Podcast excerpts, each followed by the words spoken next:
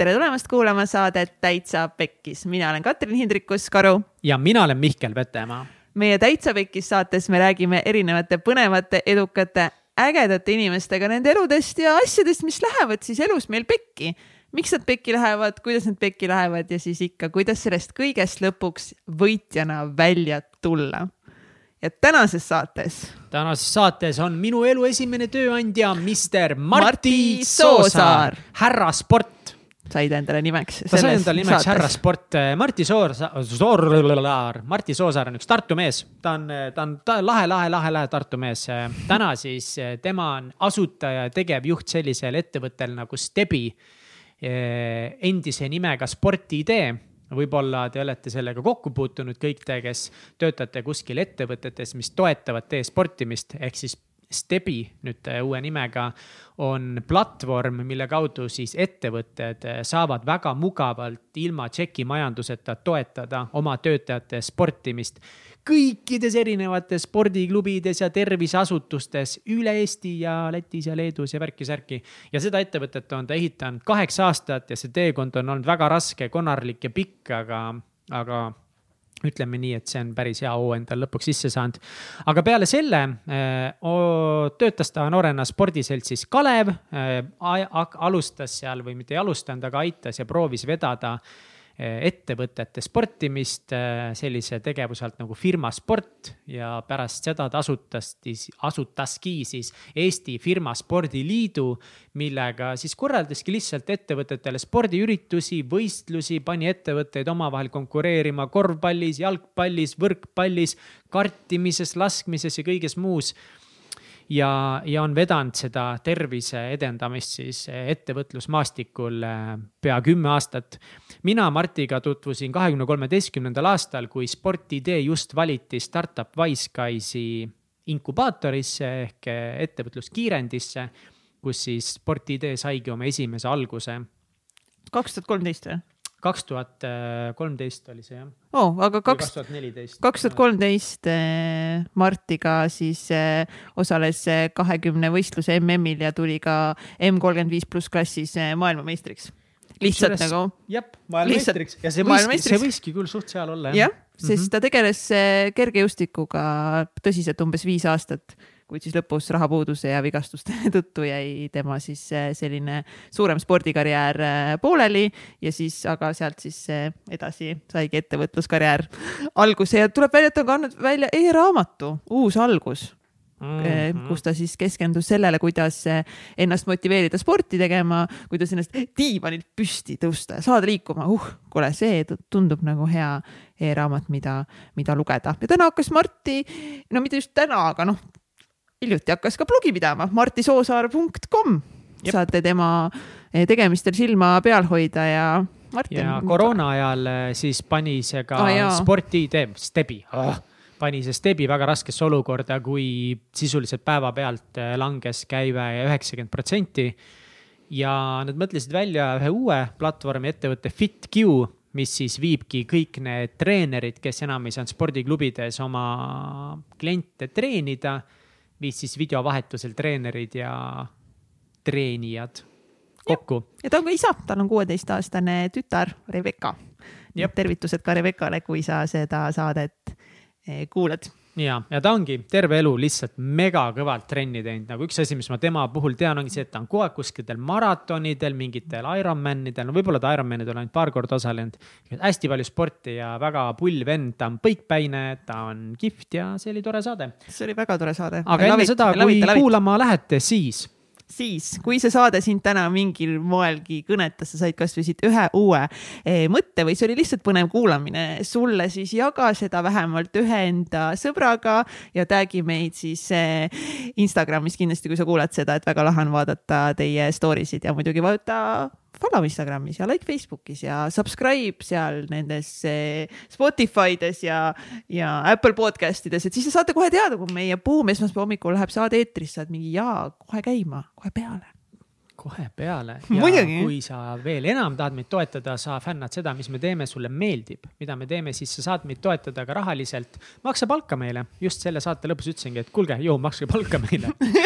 nii et kui sa saad ja tahad meile palka maksta näiteks kaks euri kuus, vot, mega hea palk, siis toeta meid patreon.com kaldkriips täitsa pekkis ja aitäh, nii suur aitäh kõikidele toetajatele, ma olen mingi mitu kuud juba mõelnud, et kas me peaksime hakkama üles lugema nende inimeste nimesid, kuidagi neid esile tooma, me peame mõtlema peab selle peale. mõtlema, seal võib tulla mingi GDPR ka vahele, et me ei tohi nende nimesid ette lugeda või midagi sellist. võib-olla nad ei taha, ma ei tea, igatahes suur tänu kõikidele, kes on meie toetajate perega liitunud. Mega suured tänud, te olete imelised. teid, tänu teile me saame seda saadet ainult paremini, ägedamalt teha ja väikse saladuskatte all siin juba ütlen, et võib-olla siin vaatame mingeid uusi stuudiokohti, võib-olla mitte, võib-olla täiesti vale jutt, kes teab., me kindlasti vaatame, kas me, kas me nagu sinna, me kolime uues, uude stuudiosse kindlasti lähiajal lihtsalt, kas no juhtub nagu nädala, kuu või kolme, I m just saying nagu, ma siis manifesteerin nagu Egert siin täna terve päev teinud on, et, et varsti on uus, uus stuudio ja veel ägedamad eh, saated ja kindlasti videopilt tuleb, on ju Egert?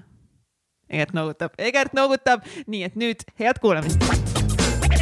kullakesed, kas te olete valmis juttu ajama? peab olema. peab olema, aga kunagi ei ole. Born to be ready, seda saadet teha. nii et ega Usain Boltile ei öelda ka nagu, et kas sa oled valmis jooksma, vaid öeldakse kohtadele valmis start. kohtunike, äkki olete äh, härrased nii meeldi-, meeldivad, võtate soojendustressi seljast ja. põhimõtteliselt siis tuleb öelda, et see on see esimene valmis olla. kumb enne on, tähelepanu või valmis olla, kumb enne on? Tähelepanu või? valmis olla. Eh, tegelikult on ausalt öeldes võistlejad kohtadele on Ah. kergejõustikuvõistlus määrustes ja siis on valmis ja siis on stardipauk. no vot, võistlejad kohtadele. valmis olla. tere tulemast saatesse, Marti, tšau. tere, tere.. tere uh!. ülilahe, Marti Marti. tuli spetsiaalselt ainult meie jaoks Tallinnasse. ta mitte ühtegi teist asja Tallinnas ei tahtnud teha ja kui ta Tallinnasse tuleb, siis ta vaatab, et ainult ühe asja pärast tulla. see oleme meie ja see oli täielik vale, mis ma rääkisin. absoluutselt, aga mul on eh, hea meel see, et eh, esiteks, et Marti täna saatesse tuli, aga hea meel seda saadet alustada täna natuke teistmoodi, et tegelikult eh, Mihklil ja Martil on väga, väga tugev minevik olnud koos, et kas te natuke avaksite telgitaguseid, et. äkki ma peangi küsima, et palju Mihkel sinu siin saates on olnud sinu varasemaid kolleege või Katrin sinu omasid, et on teil olnud mõni varasem kolleeg siin laua taga? ei ole, selles mõttes ei ole. Ja Marti siis on minu elu esimene tööandja. vahi, esimene, vot seda ma ei teadnud, seda ma teadsin küll, et me ko- kolleegid olime, aga et ma sinu esimene tööandja olin. kuigi nagu ametlikult ma ei ole üldse kindel, et mul tööleping oli. meil ikka, ma arvan, et oli, aga vähemalt see sellest, vähemalt seal poliitkorrektsus, teisel etapil. aga see oli mingi, no see oli kaheksa aastat tagasi vist või isegi rohkem natukese. see oli kaks tuhat kolmteist, see oli täpselt kaheksa aastat tagasi, jah, jah. Nice Vau. see oli siis, kui äh, Sportidee oli startup Wiseguise'is ja siis äh, minul on meeles, kuidas äh, säravate silmadega noormees, äkki sa olid veel kaheteistkümnendas klassis või? ei olnud, ma olin ülikoolis. ah,. juba esimene ülikoolis. aasta ülikoolis. Aga igal juhul Ei, sõjaväes, kolmas aasta. sõjaväes sa veel käinud ei olnud, nii et mm, -mm. et äh, igatahes äh, säravate silmadega noormees Mihkel astus sisse meile, me otsisime Nii. asjalikku müügiinimest, me olime startup Wiseguise'is tookord arengufondis. Ja see, see oli Swiss hotelli maja äh, Tornimäel Tallinnas ja, ja siis äh, kuidagi vot seda, kuidas sa meie orbiidile sattusid, seda mina ei mäleta, aga ma mäletan igal juhul, et sa tulid äh, kõva pauguga, lõid jalaga ukse lahti, ütlesid, et äh, mina olen Mihkel ja ma hakkan nüüd müüma ja, ja, ja tegelikult nagu alguses läks väga hästi, et, et äh, noh, ütleme niimoodi, et kuni ma arvan, et, et sa olid vist selle hetkeni, et sa suvel äkki läksid sõjaväkke või? Ma läksin oktoobris.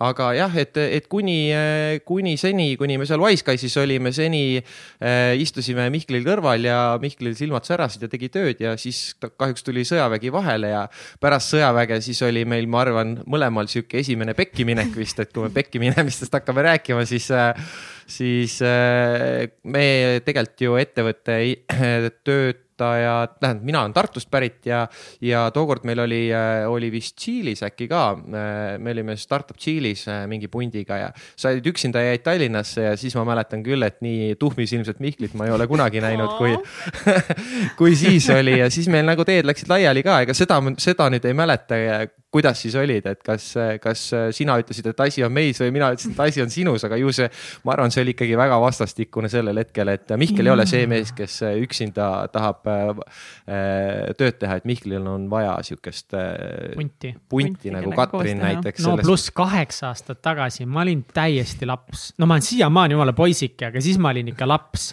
aga mul oli lihtsalt see sellise üks aasta vaata rampsemüüja, üks suvi rampsemüüja, siis pärast seda on, ego on laes lihtsalt ma olen kõige kõvem vend. Ah, sa tulid sealt Ameerikast ja see Southwesterni, äh, Southwesterni kool. Ja see Kõik seletab ära, miks, miks sa siukse pauguga selle pöördukse lahti lõid. aga müüs, müüs ära selles mõttes ära ennast, ennast sulle ja, ja ikka silmad säravad, see on, ma arvan, suur asi. ja hulk esimesi klientegi ja ma usun, et mõni tänasenigi meiega vabalt wow. võib-olla, ma mäletan, aga üldse see, et nagu me siin seal startup Wiseguys olime, see oli ka hästi vinge, see oli nii põnev, sest mul tegelikult on nagu startup'id ja IT-maailm on alati kuskil hinges olnud.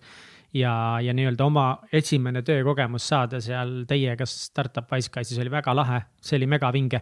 ma ausalt isegi ei mäleta, mis juhtus pärast sõjaväge, ma mäletan, mul ei olnud mingit motti seda enam teha aga me läksime ikkagi nagu minu arust nagu me läksime nagu sõbralikult lahku. no ikka läksime, ega me siiamaani. väga suure tüliga. ei, ei, ma sa lihtsalt. Ju, nagu... ma olen sind isegi meie üritustele kutsunud, et oled. jaa, mega tore on olnud ja, et, et selles mõttes mingid, eks me saime vaata selles hetkes nagu mõlemad aru, et see asi ei suju nagu, nii on alati kõige parem vaata, et kui mõlemad saavad, kui on alati ühel, ühel on see, et kurat tahaks edasi teha ja teine vaatab, et see asi ei suju, siis on alati niisugused raskemad lahkuminekud, eks äh, tööandjana ma olen selliseid ka pidanud üle elama, jah ja mm., sest Mihkel just näitas ühte artikli pilti meeskonnast, mis oli aastal kaks tuhat neliteist tehtud ja. ja enamus tiimist on ikkagist tänaseks vahetunud, ma sain aru. ja seal on küll osanike ringis meil päris palju, sest et ega meil töötajad, kes algusaastatel olid, et, äh, et äh, Äh, eks neil olid optsioonid ja nüüd nad on osanikud, aga töötajate ringis ei ole selle pildi pealt ja mitte kedagi hetkel, et äh, selles mõttes äh, aeg läheb, aga, aga noh, ega me teame ju seda ka, et väga kaua aega hoida nagu ühe asja juures ennast, ega see lihtne ei ole kindlasti kellelgi. Öeldakse vist, et seitse aastat on see optimaalne aeg, eks ma ei tea, kui suured teaduslikud uuringud seal taga on olnud, aga, aga noh, mõnel rohkem, mõnel vähem mul on isegi Facebookis veel, ma just vaatasin korra, et mul on veel pilte ka nagu sellest kontorist, kus istusime. näita, näita, näita, näita. vaata, ma võtsin veel ühe teleka, võtsin endale monitoriks ja siis. ma arvan, ma arvan, et see on üks ägedamaid, tegelikult see on üks ägedamaid kontoreid, kus ma olen olnud, see Swiss hotellimaja ja see oli tõesti äge aeg, nagu jube palju sai äh, tööd tehtud ka, et ma magasin seal diivani peal seal.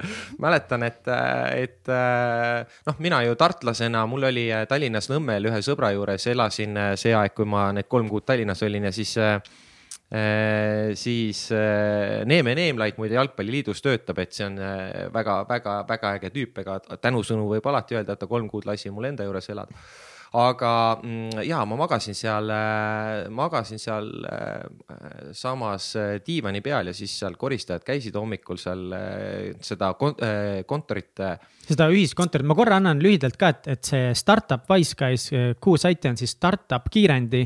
Need on, kes ei tea, paljud teavad võib-olla, aga paljud ei tea, need on siis sellised ettevõtted, mis kutsuvad hunniku star, startup ettevõtteid endale kandideerima, siis nad valivad näiteks sealt mingi kümme lemmikut välja ja annavad neile mingisuguse, mõnikord ka mingisuguse väikse stardiraha ja hoiavad neid ühes kontoris koos mingi spetsiifilise aja ja annavad neile nõu siis kõikides valdkondades, annavad neile ülesandeid, harjutusi, mida teha. et nii-öelda aidata siis kiirelt alustada sellel ettevõttel oma tegutsemist või aidata neil leida nagu seda teed või mm. vastata keerulistele küsimustele. põhimõtteliselt päris palju põnevaid valdkondi käiakse läbi, et äh, kellel on nagu küsimus, et tahab ettevõtet alustada, siis äh, kiirendi kaudu, kui muud kogemust ei ole, võib-olla siis see, see on tõesti nagu hea, hästi kiiresti saab hästi palju, et kõik asjad asjad, kõik valdkonnad, müük, turundus, äh, pitch imine, tootejuhtimine, kõik käiakse seal läbi, et kuidas seda kõike võimalikult, äh, võimalikult hästi teha. Ja minu teadmised olidki eelnevalt null, et minu jaoks oli see ülikasulik nagu seal. Mm.. väga lahe vot, see oli vinge, aga lähme siis nagu natukese ajas üldse Lähme, tagasi. kui palju me ajas tagasi lähme, kas me nagu jääme siia nagu sportide tänapäeval siis debi juurde või me lähme arvan, täitsa et tagasi? jõuame siia stepi juurde, siin on ju mul juba mega palju küsimusi, aga lähme, lähme kuidagi ikkagist algusaegadest, et kust, kuidas üldse sinu spordikirg sai alguse ja võib-olla üldse, et kuidas, milline su lapsepõlv välja nägi? ja see ei ole kindlasti väga loogiline rada, sellepärast et, et ema ja isa kumbki mul nagu äh, sportlased ei ole, et äh, ma ei saa öelda, et nendele nagu sport üldse eh, noh, et nad vihkavad sporti, seda mitte, et äh, Ei ole sportlikud. Aga ja kõige nad, nad, nad jah, nagu trennis ise ei käinud, võistlustel ei käinud ja niimoodi, et selles mõttes see oli huvitav jah, et, et mina sinnani jõudsin, aga ikka see oli sellel ajal hoovispordi kaudu, et äh, ega noh, ütleme niimoodi, kaheksakümnendatel kuskil Tartus, Veeriku rajoonis, ega seal midagi muud teha ei olnud, et äh, arvuti, arvutimänge me saime hakata alles üheksakümnendatel mängima ja, ja siis äh, oli seal hoovis äh, jalkat ja kossu ja kõike ja, ja tegime oma mingeid kergejõustikuvõistlusi ja, ja meil oli isegi äh, sihuke väike teivashüppesektor tehtud minu aeda, et äh, olime kuskilt äh, metsast tõime kasevõsa ja siis selle kasevõsaga hüppasime. noh, mingid dokid olid maasse löödud, iga kolme senti tagant oli väike nael ja siis äh, kahe doki vahele riputasime selle lati siis nii-öelda, mis oli mingi suvaline vits. ja noh, siis hüppasime seal mingi kaks ja pool meetrit umbes see päris palju ju no tegelikult jah, täitsa niimoodi võtta, siis see on ikkagi üle pea, et ma tõstan käe ülesse, siis ma ei ulata sinnani päris noh, nibin-nabin, võib-olla mõni sent jääb puudu. aga mis sa siis nagu noorena arvasid, kas sul oli mingi suund ka, kuhu sa minna tahad või see, et nagu tegid palju sporti seal majade vahel? No ütleme Tundus, niimoodi, et äh, jah, see sport, et ma elu nagu spordi juurde tõi, see oli küll ikka päris juhus, sest ega tegelikult, äh, kui ma äh, Tartus Miina-Järva gümnaasiumi lõpetasin, siis ma mõtlesin, et ma lähen ikka juristiks õppima, sest et see tundus nagu prestiižikas ja värki. Aga tookord läks nii, et ma sinna juurasse sisse ei saanud, mis mu esimene valik oli. mul õnnestus kuidagi kirjand kirjutada ikkagi väga nigel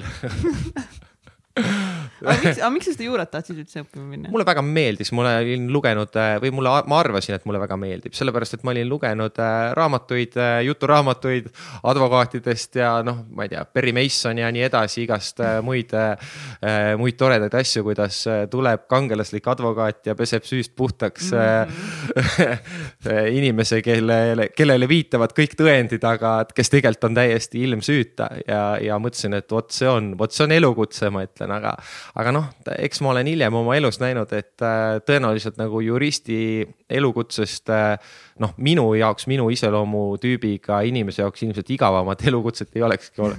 nii et äh, ma olen, mul on hea meel, et ma sain teise valikuna sinna kehakultuuri, ma läksin ühe oma hea sõbraga sinna kehakultuuri sisseastumiskatsetele ja ja seal oli, kes ei ole kunagi kehakultuuri teaduskonda astunud, siis see on üks väheseid kohtasid, kus tehakse ka kehalisi katseid. nii et ennem sa pead eksami tegema, et, et näidata, et sa suudad äh, joosta ja ujuda ja palli mängida. et noh, sain, sain sealt ikka läbi ja sain sinna aga miks just see, et need on nagu kaks väga erinevat valdkonda, et kui sul ühtepidi sa mõtlesid, et minna juurasse, see tundus sulle väga poeetiline yeah.. ja siis teistpidi nagu teine valik on kehakultuur, et seal vahepeal ei olnud mitte midagi või? no ma pean ausalt ütlema, et ega mulle see kehakultuur oligi sihuke nagu suht suvaline, et mulle sport meeldib ja, ja kehalistund mulle väga meeldis ja ja siis, siis ma umbes otsustasin, et no ikka teine valik tuleb panna, et ma ikka väga tahtsin sinna juuresse saada ja ma nagu mõtlesin, et ei, ei, et mul ei ole üldse mingit teist valikut umbes vaja, aga noh, mõistlik ikka oli panna, siis ma teise valikuna selle panin. aga kas sa olid kurb ka, kui sa juuresse sisse ei saanud? no siis ikka muidugi olin jah siis mõtlesid, et nüüd on, nüüd on tulevik läbi? ei, noh, pärast ma arvan, et ma ei jõua ära tänada mingis mõttes, noh, kuigi eks elu oleks nagu teist, teisiti läinud, et.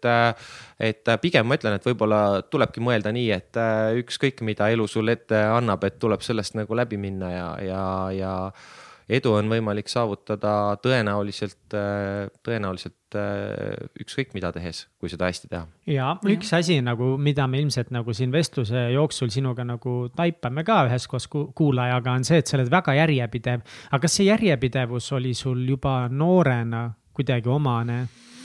Ma ei tea, kuidas sa seda tajud, et ma olen väga järjepidev, sest ma olen ka küsinud seda, et ma olen väga püsimatu et ma olen väga püsimatu, ma olen seda ka kuulnud ja, ja, ja ko- keskkooli ajal minust püsimatut inimest seal klassis ilmselt ei olnud, et kui palju mind kuskile puiatusse või, või mis iganes kooli lubasid õpetajad saata.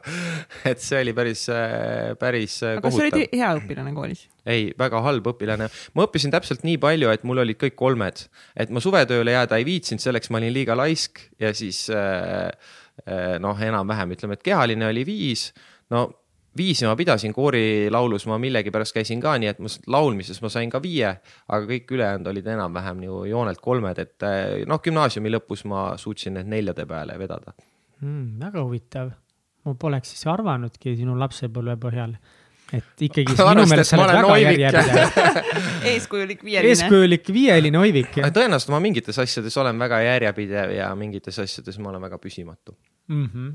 aga kuidas siis eh, kehakultuuri õppimine läks, kas eh, noh, sulle sport meeldib, seda me teame, aga kas seal kuidagi see armastus spordi vastu siis tugevnes või sealt see algas kuidagi rohkem arusaamine, et sport on oluline eluks? no ja no äh, ütleme niimoodi, et äh, seal juhtus küll see asi, et äh, tuli valida endale sportlik eri- eriala, ma valisin selleks kergejõustiku, ega ma ei olnud tegelikult äh, varem olin ühes kui teises trennis seal käinud korvpallis, jalgpallis äh, äh, proovinud mingit ratsutamist, judot ja nii edasi, aga kuskile ma ei olnud nagu eriti püsima jäänud ja ja siis, kui ma sinna kehakultuuri teaduskonda läksin, siis ma otsustasin, et äh, valisin kergejõustiku eriala, läksin kiirusjõualadesse Tiina Toropi trenni. Ja ja siis äh, hakkas tekkima selline sportlik motivatsioon, et noh, alguses ma tulin sinna suht suvaline sihuke päntajalg olin, et äh, sadat jooksin umbes mingi kaheteist ja poolega võib-olla või äh, midagi niimoodi, noh, nii nagu seal hoovisportlased ikka ja aga areng tuli päris kiiresti, et noh, et esimene aasta tegin kümnevõistluses viis tuhat punkti, esimese kursuse lõpus, teise kursuse lõpus kuus tuhat punkti, kolmanda lõpus seitse tuhat punkti, siis hakkasin juba mõtlema, et et vot nüüd tuleks hakata mõtlema selle peale, et olümpianormi tuleks hakata ründama ja ma ei tea, mida iganes, on ju, et äh, sain ne- neljanda aasta lõpus või see oli, või oli see viies aasta äkki õpetajakoolituse lõpus äh, käisin ka üliõpilasuniversiaadil Pekingis äh, äh, see oli aasta kaks tuhat, see oli ikkagi neljanda kursuse lõpus jah. nii et äh, üks sihuke suurem rahvusvaheline võistlus mul on olnud, kus ma, kus ma võistlesin, aga, aga päris sihukest rahvusvahelise klassi tipp äh, läbilööki ma ei teinud, et, et äh, selle Pekingi võistlusega on sihuke päris äh, huvitav lugu ka, et mul õnnestus seal olümpiavõitjale kaotada ühe punktiga kahe tuhande kaheksanda aasta olümpiavõitja Brian Clay kümnevõistluses osales seal kaheksa aastat oli see enne, kui, kui see Pekingi olümpia oli ja ma kaotasin talle ühe punktiga, aga seal oli üks väike klausel oli selles, et ta sai teosüppes nulli. aga kuidas sul, kuidas sul muidu läks seal siis Pekingis, et kas, kas sa ise jäid endaga rahule, kas see oli lahe kogemus sulle, see kujutab midagi väga meeletut ikkagi nagu sellisel võistlusel osaleda? ja see kogemus oli nagu superlahe selles mõttes, et universiaad, üliõpilaste universiaad on tõesti nagu miniolümpia, et seal noh, osalejaid oli äkki seitse tuhat või midagi, meeletu sihukene küla on ju ehitatud mm, -hmm. universiaadi küla ja hiinlased, kui nad teevad, siis nad teevad võimsalt, on ju, et et tohutu melu käis ja kogemusena noh, see on tõesti hindamatu ja, ja, ja noh, ma tõepoolest ütlen, et kõik, kes ilmselt universiaadil ära käivad, mõtlevad, et noh, et tahaks veel ja tahaks olümpiale saada, et, et nagu veel, veel ägedamat äh, seda melu nagu kogeda, et kindlasti see on nagu väärtus omaette. kuidas ma sellega rahule jäin, ütleme niimoodi, et mul see võistlus tegelikult läks aia taha, ma ei teinud seal isiklikku rekordite äh, võistlus läks pekki nagu ütleme niimoodi. et äh, ma olin äh, tegelikult juba päris äh, terve see hooaeg äh, suhteliselt nagu vigastatud äh, olnud äh, nagu jalad ei pidanud äh, treeningkoormusele väga hästi vastu ja ma olin ikka pär- paras lollpea ka siis nagu, et äh, taastumisega ma vaeva ei näinud, et ma tegin hästi palju trenni ja, ja, ja lõppeski see niimoodi siis, et, et olingi vigane ja ja, ja, ja, ja see, selle, selles mõttes ma ei olnud nagu üldse rahul ja, ja sealt edasi siis üldse järgmine aasta ma ka loobusin äh, tegelikult äh, äh, üldse proovimast nagu edasi võistlusspordis, et äh, see võib olla üks selline koht, kus ma ise mõtlen oma elus, et, et äh, ma ma nagu andsin endale aru, et okei okay,, ma ei saa sellega hakkama, et neid kohtasid ei ole nagu väga palju, kus ma olen enda jaoks pidanud tunnistama, et ma ei saa sellega hakkama. täna ma mõtlen küll niimoodi, et oh, et oleks mul äh, nagu see tarkus võib-olla, mis mul äh, täna on äh, siis olnud ja, või see elukogemus, ütleme pigem ja, ja niimoodi, aga ma arvan, eks see on kõik nagu äh, saame kahetseda, et kui jääme vanemaks ja, ja enam neid keha nagu tipptulemusi ei kanna teha, et siis, siis äh, mõtleme, et äh, vot oleks, oleks need ajad. aga kas see, milline ikkagi loobumine see oli, et kas see oli üks nendest, äh, vaata elus on nagu kahte tüüpi nii-öelda noh, mingi asja lõpetamisi või loobumist mingist asjast, ühed ongi need, et sa nii-öelda annad alla justkui ja teised on see, et kus sa oled selles olukorras, et saad aru, et see on nüüd just see nii-öelda, kuidas nüüd öelda, et noh, et see on tundub, et see on nagu õige otsus, et, et me, me hästi palju saates me räägime ka erinevate inimestega, et just sellest quit imisest ja pekki minekut ka, et, et kuna nagu aru saada, et okei okay,, et nüüd võib-olla peaks nagu mm. suunda muutma, sellepärast et noh, teinekord on see, et sa ei tohi suunda muuta, on ju Mhm ja ega väga palju ju öeldakse seda, et, et äh, teinekord ongi see õige läbimurre tuleb siis, kui sa kannatad nagu ära need kõige raskemad hetked ja, ja seda ma enam teada ei saa, kas see oleks nii olnud, on ju. et äh, kas oleks siis äh, kannatanud ja äkki oleks rahvusvahelisse klassi jõudnud, aga noh selles mõttes natuke see oli ikkagi kurb loobumine, et tegelikult ma olin ju oma, oma aastaid, need, needsamad, ütleme aastad, mis ma seal ülikoolis olin kergejõustikutreeneriks ja kehalise õpetajaks õppinud, et ma olin ikkagi selle mõttega, eh, et ma tahan nagu päris sportlaseks saada ja, ja see mõte ikkagi istus nagu pea sees ja see, eks see noh, loobumine päris ei tule ju võib-olla niimoodi päevapealt nagu siin Hausenbergil, kes, kes, kes alles hiljuti just äh, teatas, et nüüd tema hakkab äh, kaugushüppajaks, et. Äh, kes on Hausenberg? on üks mitmevõistleja Eestis, et just siin eelmine nädalavahetus olid Eesti meistrivõistlused, mitmevõistlus, siis kedagi ei huvitanud see, kes võitis võistluse, vaid see, et Hausenberg enne tuhande meetri jooksu otsustas, et tema tema hakkab kaugushüppajaks ah aga muide, ega tegelikult see on lugu. Äh, väga, kümnevõistlusest on äh, üks väga huvitav asi, kuidas äh, ma just mõtlesin, et üks huvitav õppetund eluks, millega, millega on võib-olla võimalik noh, näiteks oma võistlust pekki keerata. ma ei tea, kas te olete, noh, ikka olete koolis jooksnud mingit tuhandet või mm, -hmm. või midagi sihukest on ju, üpris vastik. pikamaa jooksud meeldisid mulle. üpris vastik tegelikult. päris normaal, lühi-, kiiresti ma ei jõudnud joosta, aga pikkamaad sörkida ma, mul, mul oli. pigem just vastupidi. kõik, kõigis spordialades ma olin klassis nagu enamasti kehvem poistest keskel või alla keskmist. peenike, väike ja nõrk ja, aga pikamaa jooksu ma jõudsin teha, et ma olin alati teine seal. üks kuradi tüüp alati suutis joosta ülikiiresti ülipikka maad, täielik tropp noh. ta käis trennis, ma arvan, see oli ebaaus. ei käinud. peaaegu nagu dopingu ei võtmine, trennis käimine. ma tean, et ta ei käinud lihtsalt siis oli andekam kui sina, aga no ei, no see on, see on väga hea, aga eh, hea näide, et mõnele võib-olla meeldib. Eh, aga tegelikult ütleme, et sihuke keskmaa jook jooks on ülirõve. Äh, kas sa jooksed väga kiiresti, ikka sa oled nagu, on tohutu valus ja sa oled väsinud või sa ei jookse eriti kiiresti, ikkagi on vastik ja on valus, on ju, et selle, selles mõttes ei ole vahet, lihtsalt aeg on nendel, kes kiiresti jooksevad, parem, on ju. aga tohutult rõve on ikkagi ja siis, äh, mida mitmevõistlejad teevad nagu hästi tihti on see, et nad lasevad selle võistluse alguses ennem noh, kaks päeva on ju selle jooksuni aega, noh kaks võistluspäeva ja sa tuled saja meetri starti ja, ja juba mõned vennad nagu hakkavad rääkima, et kuidas tuhande viiesaja vorm on ja niimoodi noh, hakkavad vaata wow. endal juba seda nagu motti maha tõmbama ja ma olen mõelnud, et teinekord on võib-olla elus ka nagu liiga palju, et sa mõtled selle asja peale, et sa ei ole nagu selles hetkes, kus sa parasjagu oled, vaid sa mõtled oma tuhande viiesaja mm, meetri jooksu peale, mis on sul homme õhtupoolikul, noh mm -hmm.. selle asemel, et keskenduda sellele, et kohe hakkab sada meetrit, noh mm,. väga hea analoog, kas Arnold Schwarzeneggi raamatut oled lugenud juhuslikult äh,? ei ole seal on üli. aga ma tean, kes ta on super, sa tead, Arnold Schwarzenegger. ma teadsin, et sa oled intelligentne mees.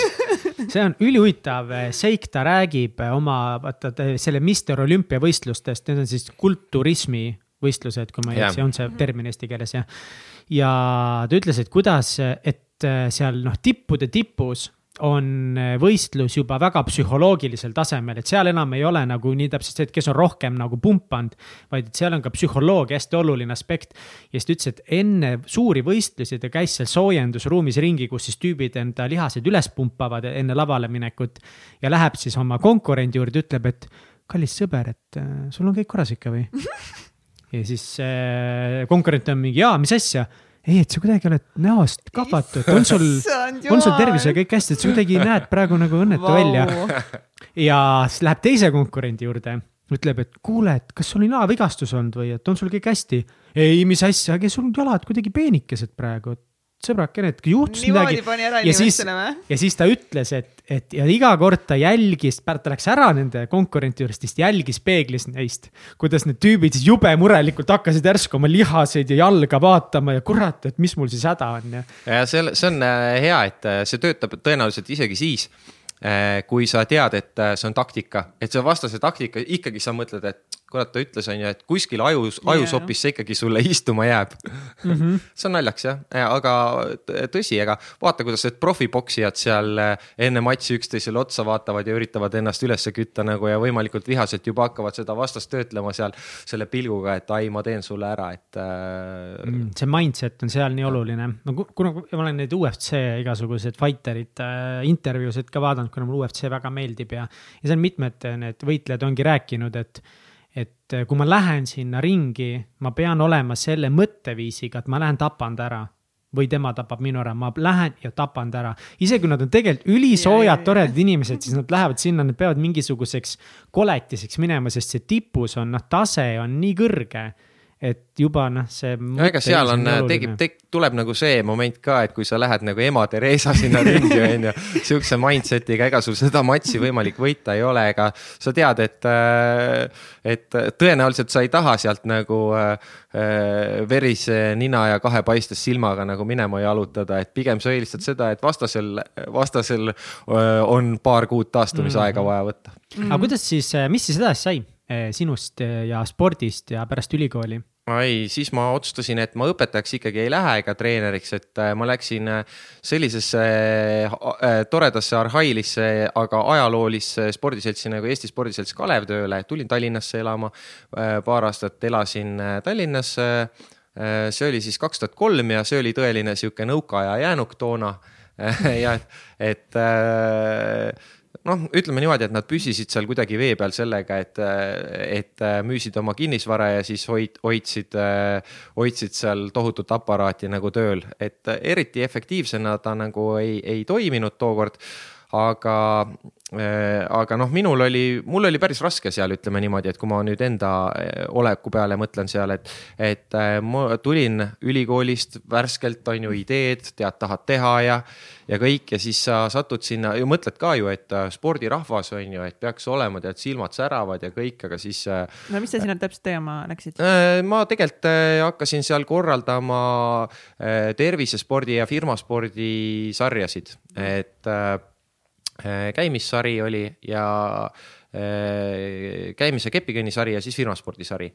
aga noh, seal, seal äh, oli jah, niisugune hetk, et tõesti seal kahe aastaga tekkis niisugune tunne, et seal mitte midagi teha ei saa, et tahtsid, tahtsid äh, medaleid äh, võtta laost, et minna kuskil, ma ei tea, firmaspordivõistlus, autastamist teha, siis pidid täitma mingi meeletu laolehe, siis mingisuguse noh, kes oli sul seal nii-öelda laohoidja vantsis siis sinuga koos kolmandalt korruselt alla keldrisse kuskil otsis kuskilt viiekümne, kuuekümnendate, seitsmekümnendate aastate mingi kastide vahelt kusagilt et kus need äh, medalid siis on.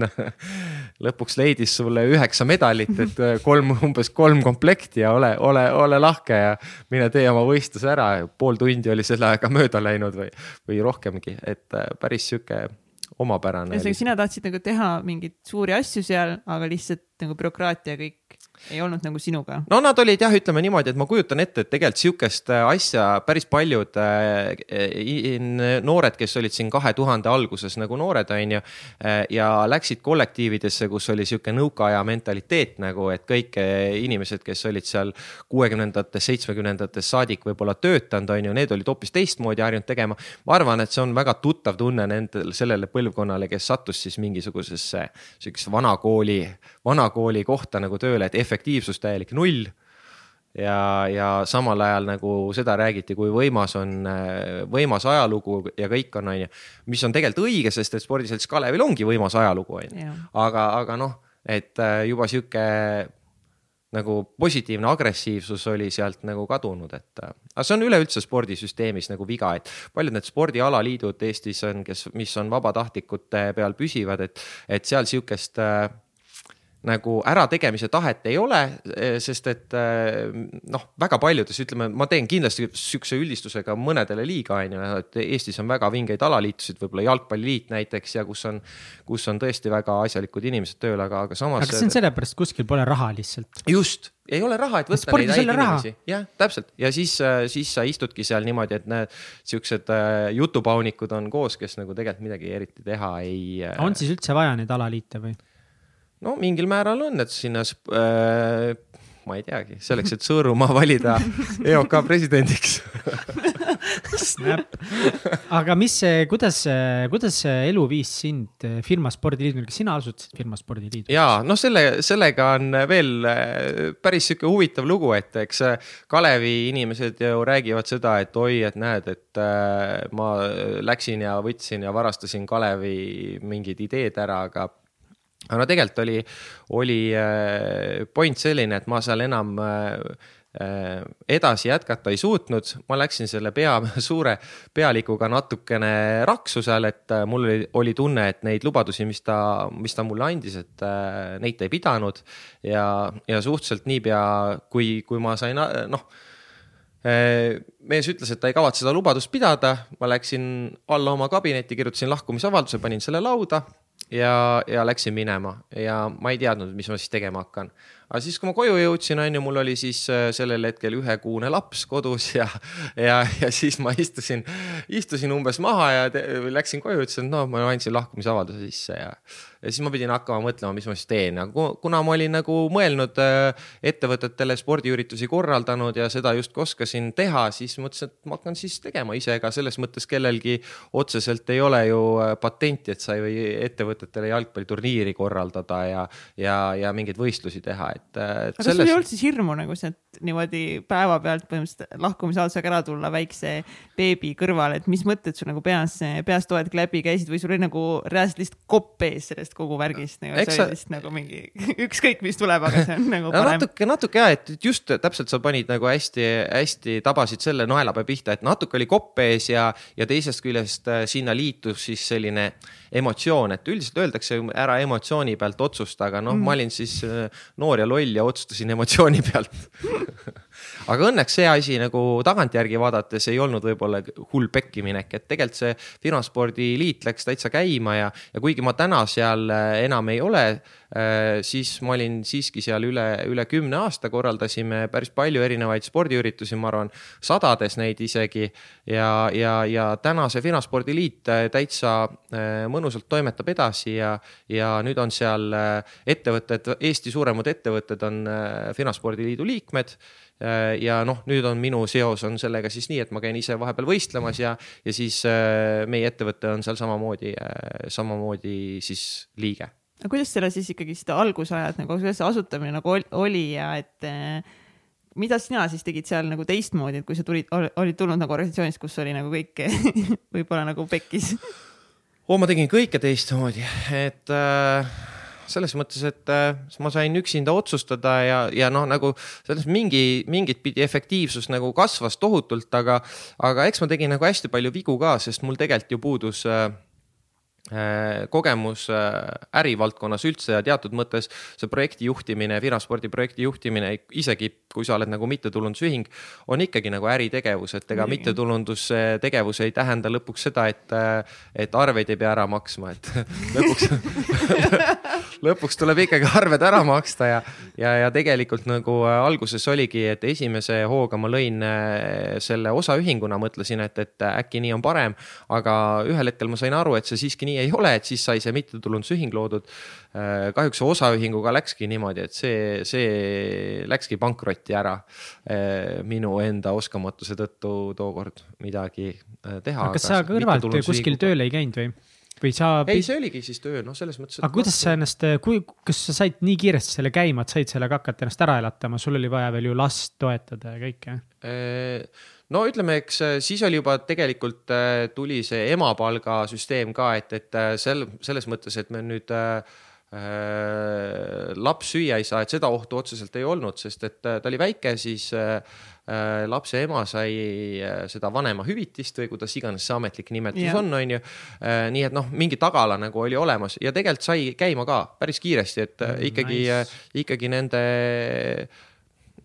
need ideed, mis mul siis seal Kalevis olid, ma otsustasin, et ma mhm. teen ise selle vinaspordisarja, hakkasin, tegin võistlused, äh, kalendri, juhendid, saatsin ettevõtetele laiali, tulid osalejad, maksid osalustasud ja nii edasi, et noh, sai, sai käima küll jah mm.. Aga kuidas tekkis idee luua Sportidee? ehk siis äh, tänast Stebi, nii veider on Stebi selle kohta, et ma ei saa, no sellepärast, et lihtsalt mina olin kunagi sportitees ja siis ma pole sellega enam rohkem seotud olnud. siis ta jäigi hinge mulle. aga Mihkel ei ole tegelikult, äh, sina ei ole ainuke, äh, kes, kellel vajab harjumist see nimi. aga see tekkis tegelikult ju ka Finaspordi Liidu tegemiste käigus, et lihtsalt klientidega rääkides nad mainisid, et kuule, me siin kogume Äh, oma tšekke, sporditšekke kokku ja siis need äh, samad inimesed, kes olid siis neid võistkondasid panid välja, et nemad olid üldiselt oma tiimis mingid vabatahtlikud ja, ja, ja aitasid siis sporti edendada seal ettevõttes nagu. ja nad ei viitsinud selle tšekimajandusega tegeleda, täielik tüütu bürokraatia ja siis äh, kuna ma olin ülikooli ajal natukene progenud seal kodulehtesid ja siis mul tekkis niisugune mõte, et aga äkki teeks siis mingi süsteemi sinna nagu taha, mingi kodulehekülje, kus, äh, kus saaks siis äh, lahendada ära selle noh, nii-öelda sporditoetuse haldamise. põhimõtteliselt sa nägid nagu mingit reaalset probleemi mida sa tahtsid hakata siis lahendama. ja, ja õnneks meil olid ka kliendid olemas, et seda üldiselt soovitatakse väga palju, et, et äh, alustada kohe klientidega ja tegelikult olid kliendid olemas, et nendele klientidele ka aitäh, neli esimest klienti siiani meiega, Elisa Eesti, Eesti Post äh, kes wow, on nüüd Omniva, ma ei tea, Mihkel, kas sa selle nimega oled harjunud või? olen, Omnivaga ma olen harjunud. oled ära harjunud, Tallinna lennujaam ja siis äh, Norde Pank, kes on nüüd Luminor mm, -hmm. no sellega sa oled ka ära harjunud, jah? ei ole. ei ole no,. aga ma ei hooli sellest lihtsalt niimoodi, aga kuidas see alguses läks, et äh, selles mõttes mingi startup'i loomine, kas sa, kas sa oma peas tahtsid luua ettevõtet või juba siis sina mõtlesid, et sina tahad startup'i teha? ma ei teadnud startup idest mitte midagi ma mõtlesin, et ma tahan teha, ma tahan nagu lahendada selle probleemi ära, et ma ei olnud siukest sõnagi kuulnud nagu startup, noh, selles mõttes start ja up, seda ma teadsin. aga nagu, et need kokku kirjutatakse ja et see tähendab midagi nagu eraldiseisvalt, seda ma ei teadnud.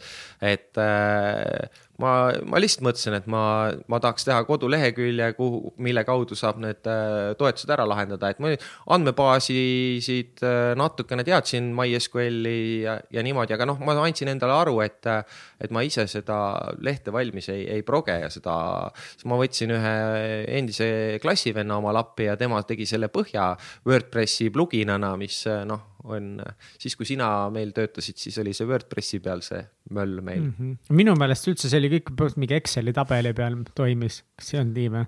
Äh, mingeid asju võis küll olla, aga üldiselt ikkagi tegelikult see põhisüsteem, et äh, kuidas äh, inimene läks spordiklubisse, siis seal spordiklubis oli see ikkagi see mingi põhimõte on jäänud, et spordiklubisse mingi isikukood pandi sisse ja siis sisestati see teenus sulle.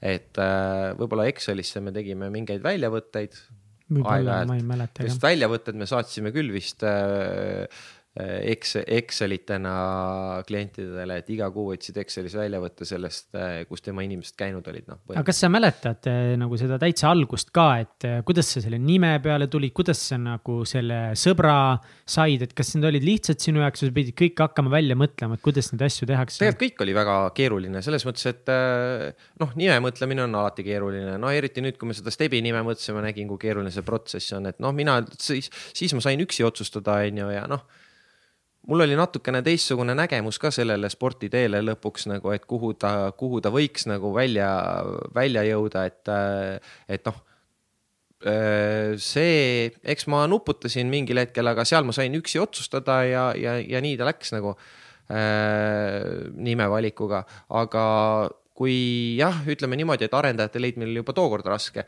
ja eriti raskeks teeb arendajate leidmise, mis asi, Mihkel? ma tean, ma raha.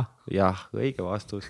kui raha ei ole, siis keegi ei viitsi sulle midagi arendada. ja, aga kuidas sa lahendasid selle probleemi? no lahendasingi nii, et ma rääkisin oma klassivenna nõusse, kes, kes on tegelikult väga pädev äh, IT-spets ja, ja tegelikult äh, võiks väga, väga edukat ettevõtet, et CTO olla mm, -hmm. aga rääkisin ta, et kuule, et tule aita hädast välja, et tee meile see nagu algeline selline esimene versioon valmis.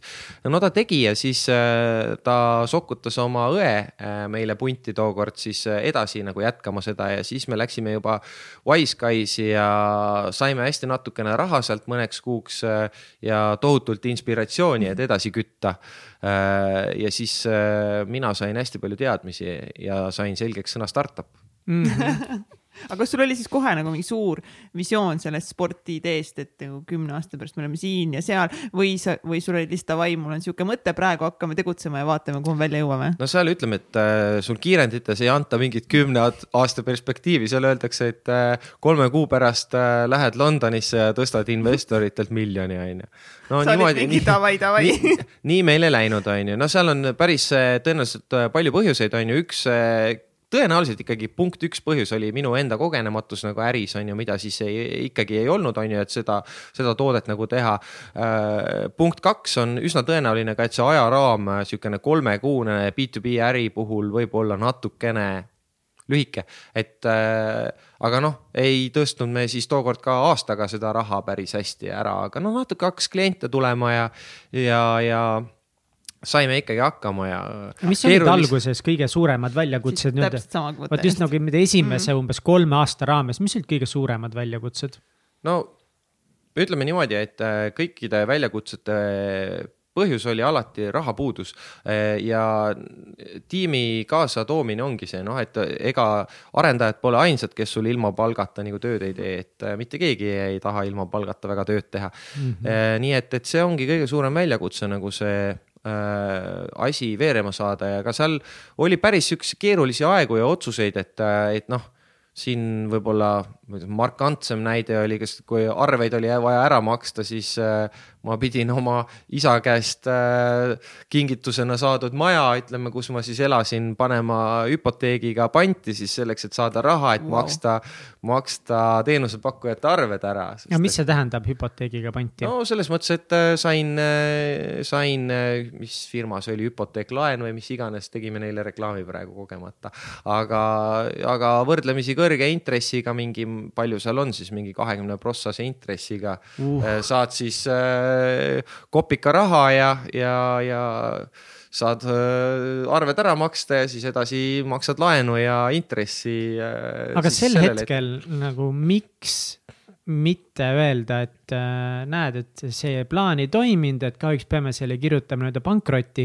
miks sa otsustasid sel hetkel nagu võtta nii suure riski ja mitte alla anda? tõenäoliselt minu mingi kogenematus ja rumalus oli selle nimi ja mingi eh, sellel hetkel, sest et ma arvan, et mitte keegi sihukest asja ei soovitaks ja ma ise ka täna nagu ei soovitaks seda, et tõenäoliselt. ja aga siiski sa tegid seda nagu, nagu noh, tagantjärgi ja kõik ütlevad, ma ei soovitaks, aga ikkagi siis nagu alustavad ettevõtjad teevad nagu väga rumalaid, noh, kind of tagasivast rumal neid otsuseid selleks, et päästa enda, enda ettevõtteid no. nagu, et need on nagu mingid asjad, mida nagu kind of vist peab nagu läbi tegema, vaata. no see või sul et... on nagu see visioon või see kirg nagu olemas. ja tegelikult vaata, seal on see usk see, et, et äh, vot selle järgmise nurga taga nagu me saame selle nagu Just. kivi tagant minema, et äh, noh, nii lihtsalt muidugi ei läinud, aga noh, õnneks see maja on mul ikkagi alles, et äh, sai see laen tagasi makstud. aga kas see andis sulle lisamotivatsiooni ka kuidagi juurde?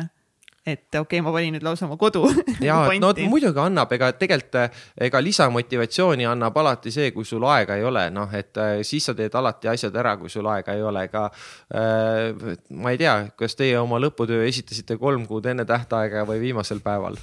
ei ole ühtegi lõputööd elus esitanud, nii et sa ei jõudnud kunagi sinnamaani ma, ma kunagi päris sinnamaani ei ole esitanud. ei no ikka aga, viimasel hetkel kõik asjad. aga jah, muidugi, kui ma oleks seda teinud, siis ma oleks kindlasti. nii et ajasurve on see alati, mis äh, on kõige kasulikum asi äh, ja inimesel produktiivsuse tekitamisel, kohe on tohutu produktiivsus, nii kui sul aega üldse ei ole. ja kuidas sa hindad enda seda mm, nii-öelda stressitaluvust, et kui palju see aeg, eriti just siis, et kui sul nagu see asi teil juba käis inimesed kasutavad, aga samas teie enda nagu see teenustasu alguses sealt vahelt oli väga õhuke, eks ole, juba arveid oli vaja hakata maksma, kõik raha, mis sisse tuli, see läks ilmselt ju kuskile arendusse, mingiks mm investeeringuteks ära, et. kuidas sa selle kogu selle stressiga hakkama said, kas see mõjutas sinu heaolu või sinu tervist? Ma arvan, et ma olen tõenäoliselt sellega toimetulekus keskmisest parem. seda räägitakse nagu väga palju, et see ettevõtjate kõige suurem mure on selle stressiga hakkama saamine. aga tõenäoliselt mul mingi sihuke võib-olla loomupärast muretust rohkem või siis sport annab endorfiini laksu nii palju, et, et kui natuke liigud, siis, siis see kindlasti aitab nagu stressiga toime tulla. aga noh ma olen ikkagi stressis olnud küll ja tunnen, et on nagu raske ja, ja, ja et see asi nagu on veits üle pea. aga tavaliselt ma olen ikkagi noh, need ei ole siuksed pikad perioodid et väga jama on, noh, ütleme, ma olen nüüd pärast hilisemas eluperioodis natuke psühholoogiat õppinud ja, ja selline haigus nagu depressioon, mis, mis tegelikult nagu hakkabki võib-olla kuhjuma sellest, et sul muudkui see stress ja stress ja kõik on üle pea. et eh, noh sellist tunnet, äh, kus mul oleks näiteks võib-olla mitu päeva või nädal aega järjest äh, sihukese halva meeleoluga, et mul on vist ükskord elus seda olnud selle nii-öelda ettevõtte, ettevõtte tegemise jooksul, et äh, üldiselt on. ja millal see oli? No see oli siis, kui meil kaks tuhat kaheksateist läks äh, hulk tiimi minema, neli inimest läksid ära ja nad üritasid isegi veel rohkemat äh, tiimi sealt kaasa saada äh, tookord. et me läksime nendega veits tülli ja, ja nad esitasid mulle ultimaatumi, et kas mina lahkun või, või nemad lahkuvad. seleta ja..., seleta nagu teistele inimestele ka, et kuidas sihuke olukord üldse saab nagu siis eh, tekkida, et sulle kui asutajale siis esitatakse ultimaatum, et nagu näge mind. Eh, no see saab tegelikult ütleme, see saab tekkida ikkagi sellest, et inimestel on nägemused nagu erinevad, et mõlemat pidi ütleme, mina mõtlen ühes suunas on ju, kuhu see, kus see ettevõtte tulevik võiks olla. ja teised mõtlevad teises suunas ja näevad nagu, et teisi asju peaks tegema ja siis eh, noh, nendel tekkis selline tunne, et, eh, et mina ei ole nagu õige juht eh, seda viima sellesse uh. suunda, kuhu nemad tahavad seda viia ja tõenäoliselt see nii oligi, sest et seda, mida nemad nagu soovisid, noh, mina ei soovinud, ma ei oleks tõesti selle ettevõtmise jaoks õige juht olnud. ja, ja selles mõttes nendel oli õigus ja noh, kokkuvõttes ütleme niimoodi, et see oli raske periood mu elus, ma õppisin väga palju sellest, aga praegu me suhtleme nende inimestega täitsa okeilt, et äh, ma ei ütleks nüüd, et me oleme nüüd parimad sõbrad, aga äh,, aga meil oli seal raske, raske periood äh,, elasime selle üle, nemad teevad praegu oma äri Äh, nad natukene, no ma na niimoodi silmanurgast olen vaadanud, kuidas neil läheb ja ma näen seda mustrit nagu sportide algusaegadel, et neil on ka B2B äri sama sihtrühma pihta ehk personalijuht nii-öelda on see nende võtmeisik seal ettevõttes. Äh, üsna sarnase ärimudeliga ja ma näen neid siukseid, tulevad siuksed sportide algusaja raskused meelde, et nad peavad neid nüüd üle elama ja, ja nüüd nad siis peavad sisu näitama, et kas nad elavad üle või ei ela et kõik liigub muidu täpselt samas joones, et ma vaatan, et käibed ja kõik niimoodi tulevad, et, et äh, nüüd nad on kolmandat aastat teevad, on ju, ja on enam-vähem niimoodi käibe mõttes samas kohas, kus me olime sportideega siis, kui me olime kolm aastat teinud. Äh, nii et ma mingis mõttes elan neile kaasa ja, ja, ja loodan, et nad siis äh, veavad välja sealt ja saavad ka selle tunde kätte, mis siis mina tegelikult olin saanud seda ettevõtet asutades, mida neil sellel hetkel ei olnud võib-olla paljudel. kui me Kadrile helistasime, tema ütles, et et sa oled üks, äh, ta pani suure smile'i lõppu, nii et see on kõik positiivses võtmes kirjutatud. Aga et, äh, et sa oled parajalt raske isiksus, kelle alluvuses töötada, et sulle läheb väga korda, et töötajatel läks hästi, aga sa nõuad palju, sul on väga palju ideid ja sa paned ettevõtted keerulistesse olukordadesse. sa oled ka väga suur visionäär aga töötajatele see tähendab seda, et hommikul lähed tööle ja tead, mida sa täna tegema pead siis tuleb Marti uue ideega ja kõik plaanid on jälle sassis. aga vot see on minu puhul tõesti natuke keeruline, vot siin on see üks asi, kus ma ikka jätkuvalt pean õppima, mul on tunne, et ma olen nüüd äh, natukene võib-olla noh mingis mõttes veidikene nagu parem selles, et noh, Kadri nüüd on äh, olnud ka lapsehoolduspuhkusel aasta aega, ma selle aastaga loodetavasti olen siin arenenud. Kindlasti aga, aga ja see, see teatud määral, vot ma pean äh, natukene paremini ennast jah kontrollima ja mul on äh, mõnikord on niimoodi ka, et ma jätan mingid asjad lihtsalt nagu, mingid mõtted nagu vahele, et ma lähen kellelegi rääkima, et seda asja tuleks teha, siis et, et talle ei pruugi jõuda kohale, et miks seda asja täpselt tuleb teha. sest et mina nagu näen seda seost, see seos on minu peas olemas, on ju, et miks me seda teeme, sest et see ühtib meie eesmärkidega, aga äh, see on muidugi inimlik, et sa alati ei tunneta seda, et teisel võib-olla sinu pähe nagu otseteed ei ole seda, et sa pead ütlema välja selle või kirja panema, et, et muidu ta ei näe sedasama nagu, et aga kuidas see meie mm. nende eesmärke aitab saavutada, on ju. ja siis, kui ta ei näe seda, siis, siis noh, ühest see on Äh, ära leierdatud äh, klišee teema on, et kommunikatsiooniprobleemid, kõik ettevõtted ütlevad, meil on kommunikatsiooniprobleemid, pole vist ühtegi peaaegu, kellel ei ole seda, et kuskil öeldakse, et tuleks ikkagi kommunikatsiooni parandada ettevõtte sees, noh. absoluutselt, ma, ma tunnen ennast nii ära selles, selles jutus, et minu eh, akadeemia eh, naiste tiim on mitmeid kordi mulle nagu sama asja, kas me ei näe su pähe ja et me tunneme, et tihti nagu täna hommikul on sihuke jutt ja täna õhtul on hoopis nagu noh, kõik ja. on nagu noh, sada protsenti protsentiliselt muutunud. ja ma olen kindel, et sa näed neid seoseid, sa näed, miks, miks seda vaja teha on. absoluutselt, aga ongi see, et tulebki nagu kommunikeerida just seda nagu ongi miks'i aga nagu tihti ongi see, et sul on vaja kiireid otsuseid vastu võtta nagu eriti nagu tänases ühiskonnas, kus me, kus me elame, et üks hetk ongi nii ja homme nagu pole enam mitte midagi. ja siis, et see kommunikatsioon võib vahepeal nagu noh, et kaua ma jõuan sulle kommunikeerida, vaata, et meil on vaja nagu mingid otsused vastu võtta ja hakata. teha on nagu vaja, onju. Pole siin aega mõelda, teha on vaja, aga nagu ma feel in eh, eh, täiega eh, seda, seda tunnet ja eks see on see koht, kus ongi vaja nagu ja õppida. see on minu isiklik väljakutse võib-olla praegu, kuidas sellega hakkama saada, et Kadril on õigus aga kuidas sa siis tegeled sellega või kuida-, kuida- või pigem ütleme niipidi, et, et mida sa oled õppinud selle kaheksa aasta jooksul selles valdkonnas? sa oled kindlasti selles väga palju paremaks saanud.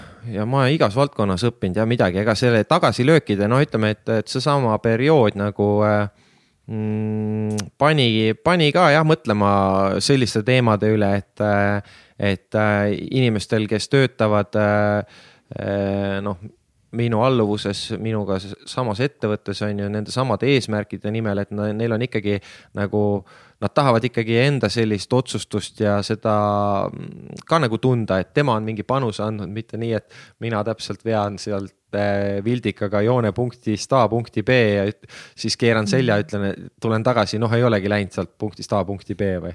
sa ei olegi seal joone peal või?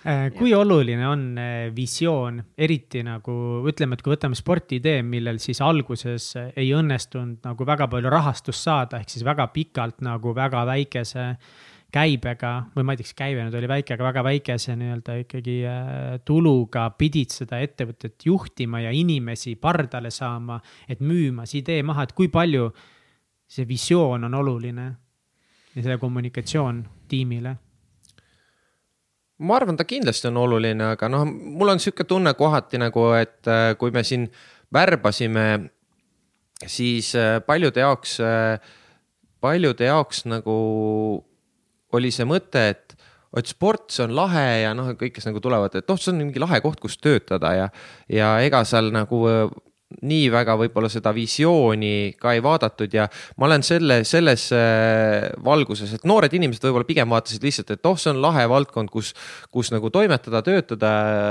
Äh, versus, et ma ei tea, kassapidaja olla näiteks, on ju hmm.. Äh, aga täna ma ütlen, ütlen küll niimoodi, et ma mõtlen selle peale oluliselt rohkem nagu seda, et mis see visioon Äh, ettevõttel on, et noh, nüüd sai ju loodud äh, koroona ajal ka teine ettevõte, mille särk mul siin seljas on FitQ, äh, mis on oh, siis virtuaaltreeningute keskkond, tegelikult nagu treeneritele suunatud, on ju ja, ja, ja seal ma olen nagu algusest peale mõelnud, et noh, et selle, selle selliseks visiooniks on pakkuda treeneritele äh, tööriist nagu hea tööriist, kuidas äh, leida endale uusi äh, jälgijaid ja kuidas nendele jälgijatele enda toodetud sisu nagu kohale viia, et see on selline, selline nagu visioon, on ju. siis, kui, siis kui sai Sportidee loodud, siis oli see, et noh, et ma ei tea, saaks nende Omniva ja Eesti selle Elisa mure ära lahendada nagu et see oli sihuke visioon. mina olen nagu kuidagi alati tunnetanud seda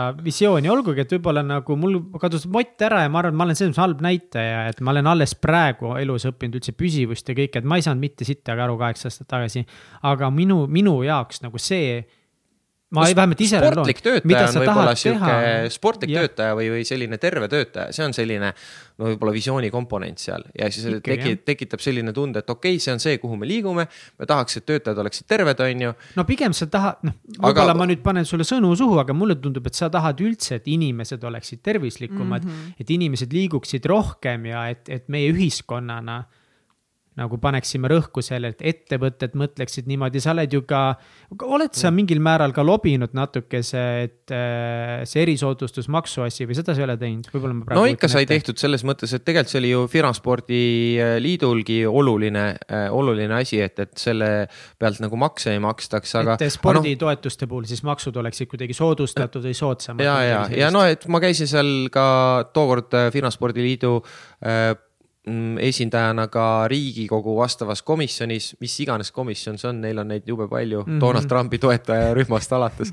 aga see oli ikkagi mingi ametlik komisjon, et see ei olnud mingi naljakomisjon, et äh, kes siis arutas seda äh, nii-öelda maksutemaatikat just äh, ja, ja sai käidud seal küll ja, ja esitatud enda selline seisukoht ja nägemus, aga noh, ma äh, seda nüüd, et äh, mina nüüd hirmsa töö tegin ära selleks, et meil see maksusoodustus on, et see kindlasti nii ei ole, et, et seal ma arvan, nagu põhi, põhi võib-olla veduriteks saaks, ilmselt ikkagi tuleb Eesti Olümpiakomiteele öelda tõenäoliselt mm. võib-olla, et kõige suurem tänu, et nemad ikkagi tagusid seda ja, ja noh selge see, et poliitikud ju sellise nimega organisatsiooni ikkagi mingil määral nagu kuulavad, et lõpuks see, kuidas, oh, väga võib-olla väga hea õpetus, kuidas viia, kuidas jõuda nagu selleni, et mingisugune äh, idee ühiskonnas lõpuks jõuaks siis seadustesse, et kuidas selleni jõuda, on ju.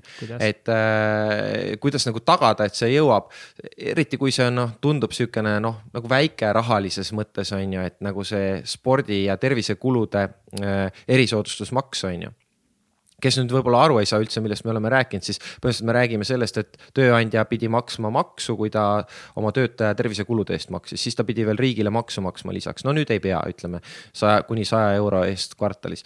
aga oluline on see, et sa saad oma jutupunktid kõikide parteide valimislubadustesse sisse, sest niipea kui seda ühes ei ole, siis see üks partei satub koalitsiooni laua taha nii-öelda läbi rääkima ja siis kuskil mingi lubaduse kellel, kellel on see mingi spordi erisoodustusmaksu kaotamine on seal kirjas, siis tema nagu, oh, sellest me võime loobuda, on ju, et davai, et aga andke meile see mingi seitse eurot pensionitõusu, vaata. no kuidas saada kõigi erakondade? vot see on keerulisem nagu, kuidas saada, aga see, kuidas saada, seda ma ei ütle. Kui sa saad, kui sa saad selle sinna, siis äh,, siis see on hea, aga noh, eks äh, ilmselt tuleb suhelda nendega, eks nii see käis, et äh, kuidas sa frustratsiooniga hakkama saad? Ja Kadri on veel öeldud, et Marti jaoks võib olla frustreeriv, kui teised tema ideedega kaasa ei tule mm.. kõigi jaoks on see frustreeriv tõenäoliselt. kuidas ma saan frustratsiooniga hakkama, no tõenäoliselt ikkagi tossud jalga ja jooksma. ongi nii jah. või trenni. jah, see aitab alati. sport, liikumine, no võti. noh. jah no miks siis on sport nii oluline, miks see aitab? Vot sellest äh, füsioloogia, ma sain muidu viie ülikoolis, aga ma ei mäleta enam nii täpselt sellest kõigest, et äh,. kehalise kasvataja õpetaja meil siin. kuidas need äh, kuidas su, ütleme, et äh, peas vallanduvad äh, või ajus vallanduvad siis äh, erinevad virgatsained, virgatsaineteks nimetatakse neid. päriselt või? virgatsained. olid kuulnud seda sõna uh? -uh dopamiin näiteks. ja, seda ma tean. aa, dopamiin ja virgatsain, ma tahan virgatsaineid. no olgu vir, me oleme virgatsainetest ka siin, just seminar oli, rääkisime virgatsainetest ja et äh, virgatsaineid on vaja. aga mis on olnud äh, veel nagu väljakutsed, et nüüd, kui äh, teie ettevõtte nimi on hoopiski Stebi. ja miks te üldse rebrandida otsustasite?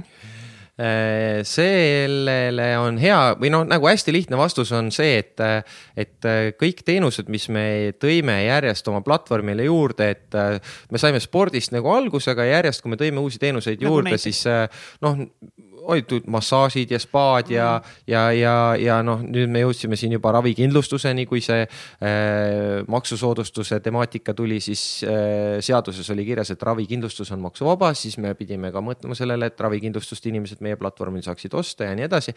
Need ei ole nagu kuidagi spordiga seotud, nii et seal on selline võib-olla sama näide nagu äh, Bolti puhul oli, et äh, nad olid Taxify ja siis, äh, siis nad vaatasid yeah. ka, et noh, et meil on siin juba tõukerattate plaan, tõukerataste plaan ja me tahaksin hakata toitu viima inimestele koju ja, ja ikkagi nimetame ennast taksodeks, on ju, et, et nemad tegid ka selle rebrand'i nagu mingil hetkel ära ja me jõudsime sinnasamale järeldusele, et me peame selle nime vahetama.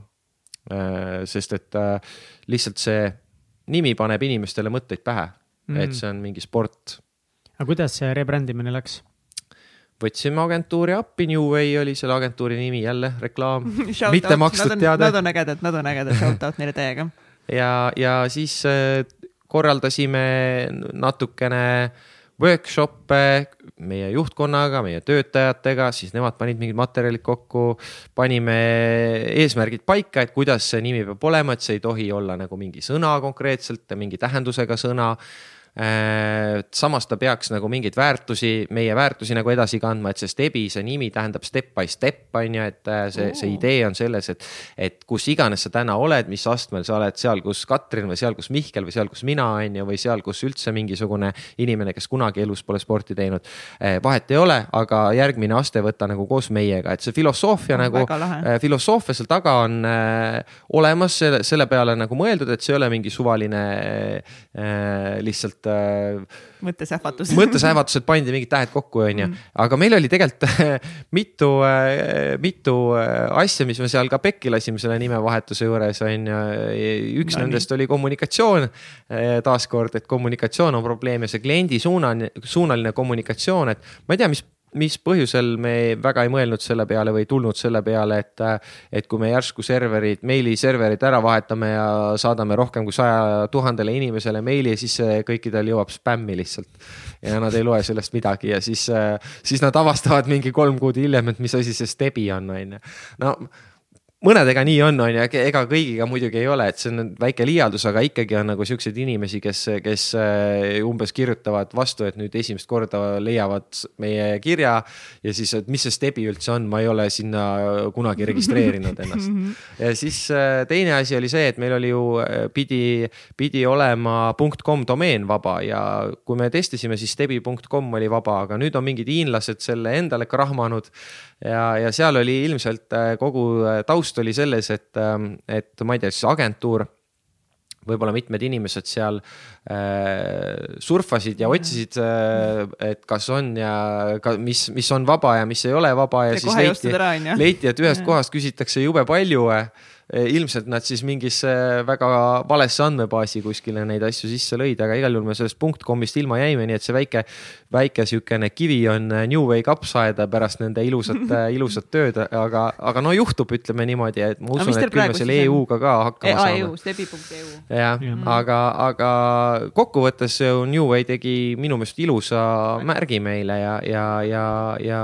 ka see nii-öelda filosoofia, mis seal taga on, see first steps to wellness ja, ja mis iganes samm astu meiega, on ju, kus iganes sa oled, on ju.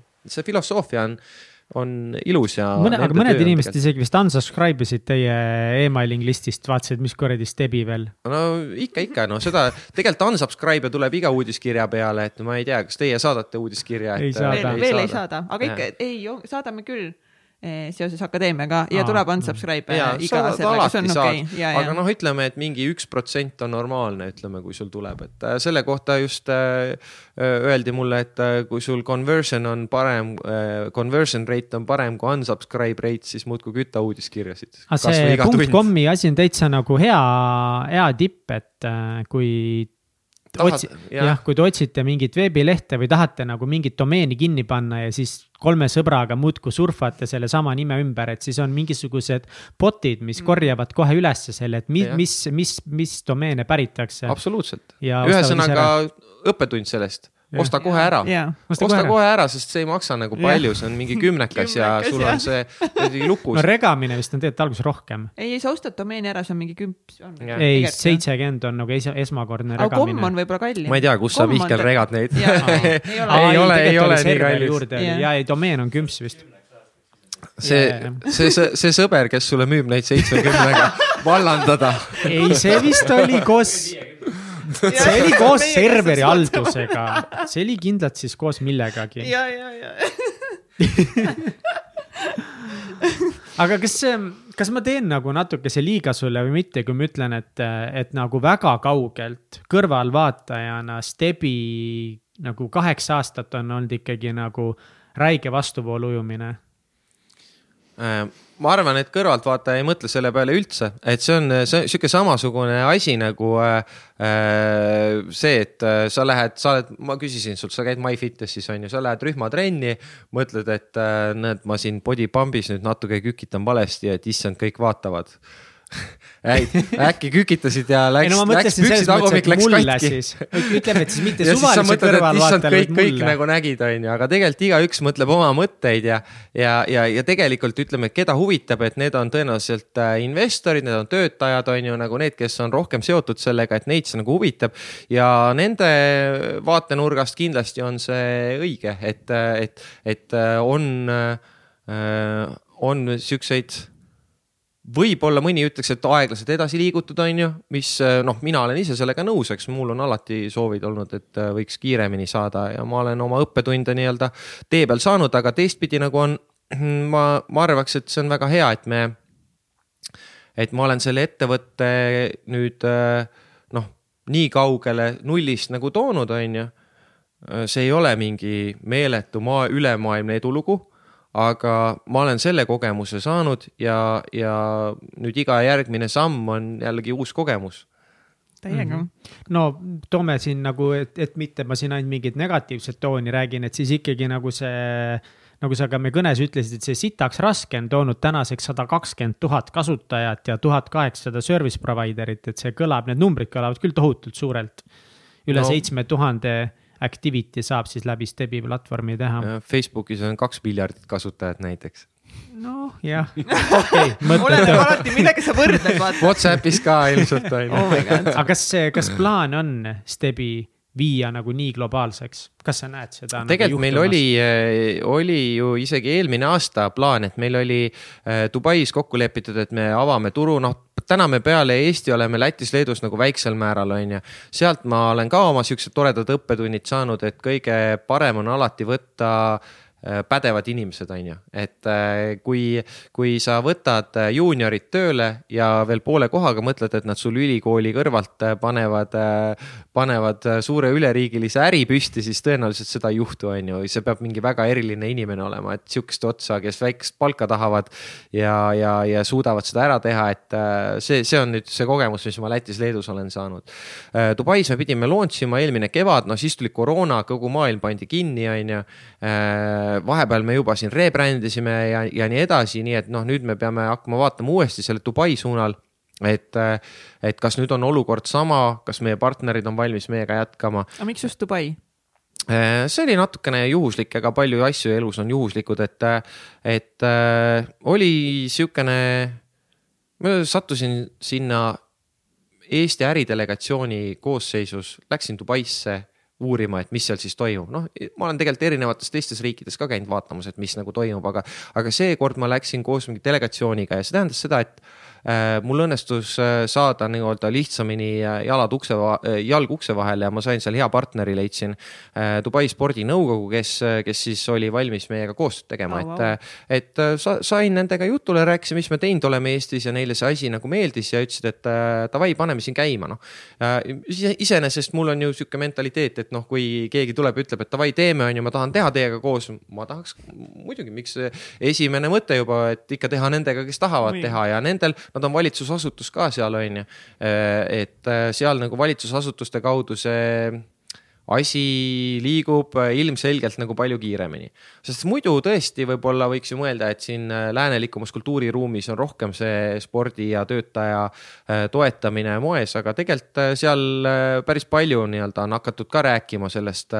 ja see on mingil määral see töötajate tervise eest hoolitsemine Äh, on globaalne trend, et see on isegi noh, teatud määral ka kõige vaesemates riikides sellega nagu tegeletakse. Äh, teatud ettevõtetes on ju, noh, need top ettevõtted ikkagi muretsevad oma töötajate pärast, et neil, nendel oleksid nii-öelda head töötajad, head tingimused ja need inimesed nagu areneksid mitte ainult professionaalselt, vaid, vaid äh, ka kehaliselt ei oleks, ei oleks nagu haiged ja, ja nii edasi, et et selles mõttes kindlasti globa globaalne trend mm,. aga kuidas, kuidas koroona veel teie ettevõtete siis stebit mõjutas?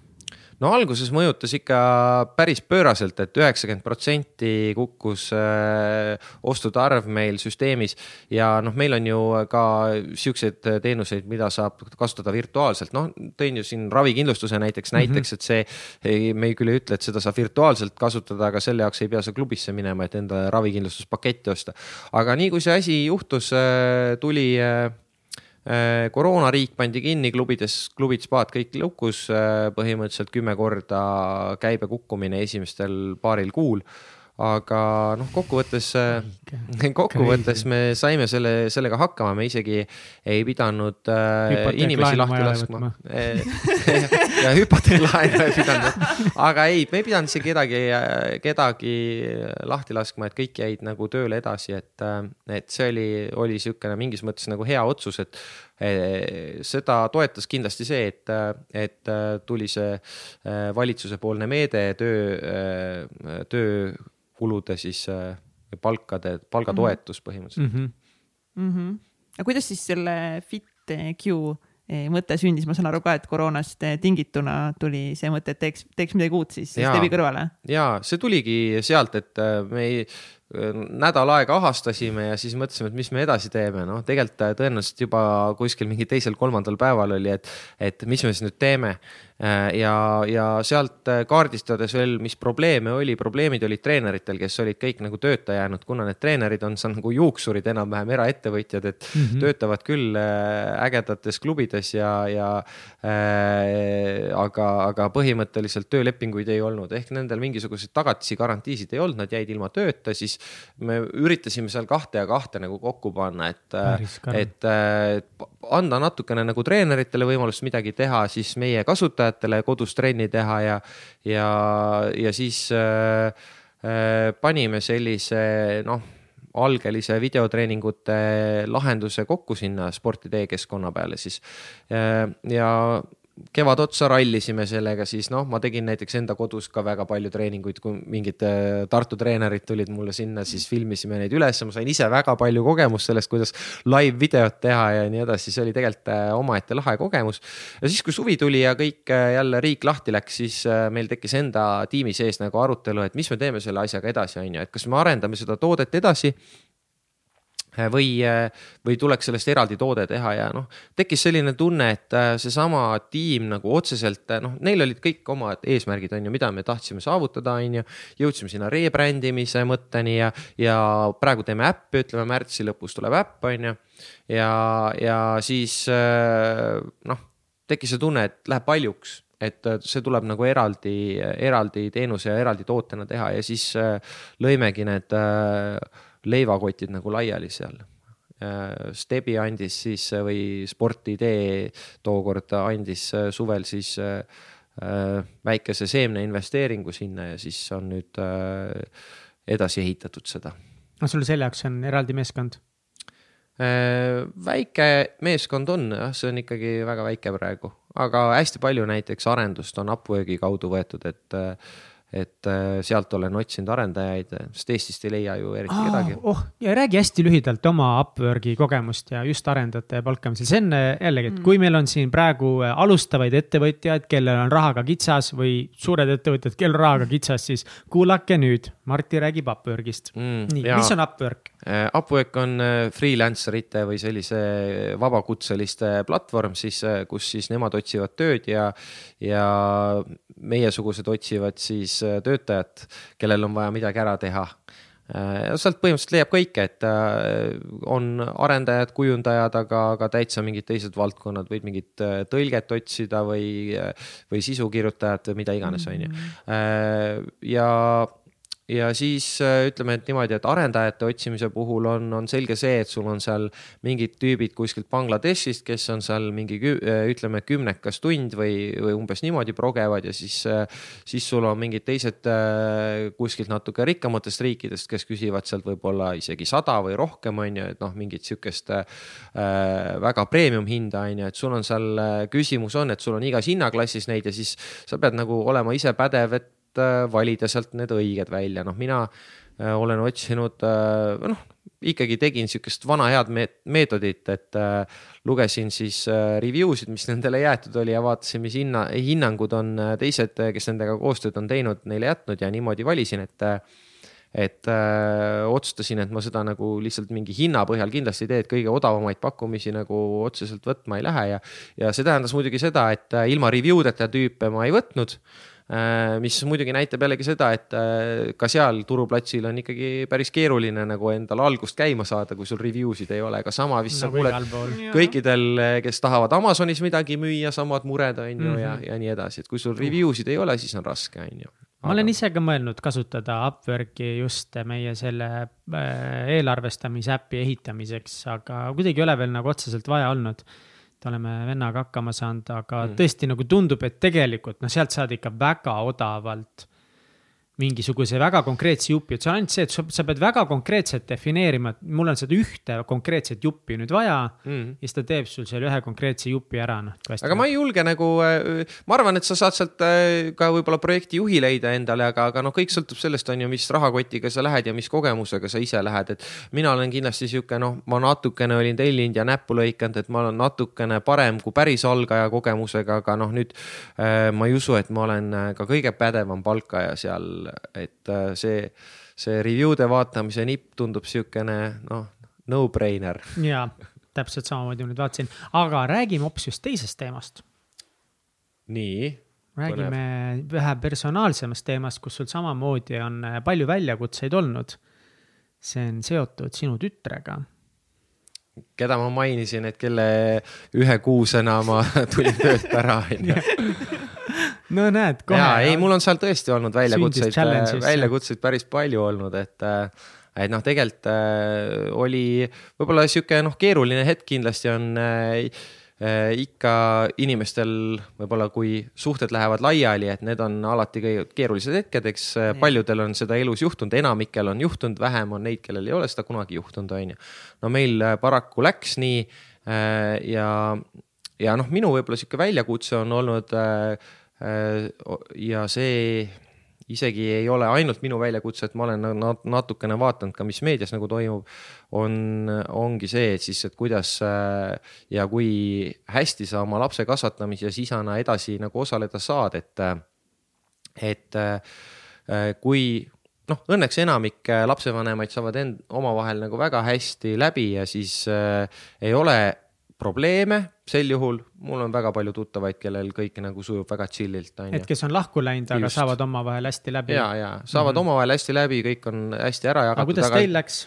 no meil ütleme niimoodi, et äh, on allamäge läinud ja läks kohe algusest peale võrdlemisi allamäge, eks me võib-olla olimegi äh, kaks sihukest äh, kõva kivi nagu ja, ja, ja, ja kummalgi omad õigused ja, ja noh mingis mõttes on nagu keeruline, ega me siin täna laua taga ei ole selleks, et hinnata nüüd, kellel on õigus või mitte, on ju, aga äh,, aga noh, mis ma ise, noh, mis minu meelest nagu ei ole õige, on see, et, et äh, kui siis äh, on nagu probleemid ja kuskil sa lähed äh, lõpuks, noh, noh, kuidas need võib-olla probleemid tekkisid ka, oli, oli sealt, et ma noh ikkagi, kui lapse ema võtab äh, nõusse, et tema teab, kuidas äh, peab last kasvatama ja isa ei tea, äh, siis tekivad need hetked, et ei taha nagu väga isa lasta lapsega kokku saada, sest et isa teeb valesid otsuseid või mingit jama -hmm. korraldab, on ju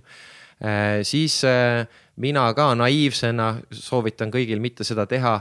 ütlesin, et okei okay,, et äh, kui, et enne ma elatisraha ei maksa, kui, kui mul on õigus nagu kokku saada oma lapsega ja mis siis juhtub? Siis juhtub, juhtub see, et kohtusse antakse sind kui sa elatisraha ei maksa. et äh, ja siis äh, muidugi kohus otsustas loomulikult, et tuleb maksta. aga noh, mina vastasin sellele muidugi omapoolse sooviga, et äh, võtta laps enda juurde elama ja noh, mulle siis lugedes perekonnaseadust tekib ka sihukene tunne, et aga seal on ju kirjas, et lapsevanematel on võrdsed õigused ja kohustused, on ju. sel-, sõnaselgelt kirjas, on ju.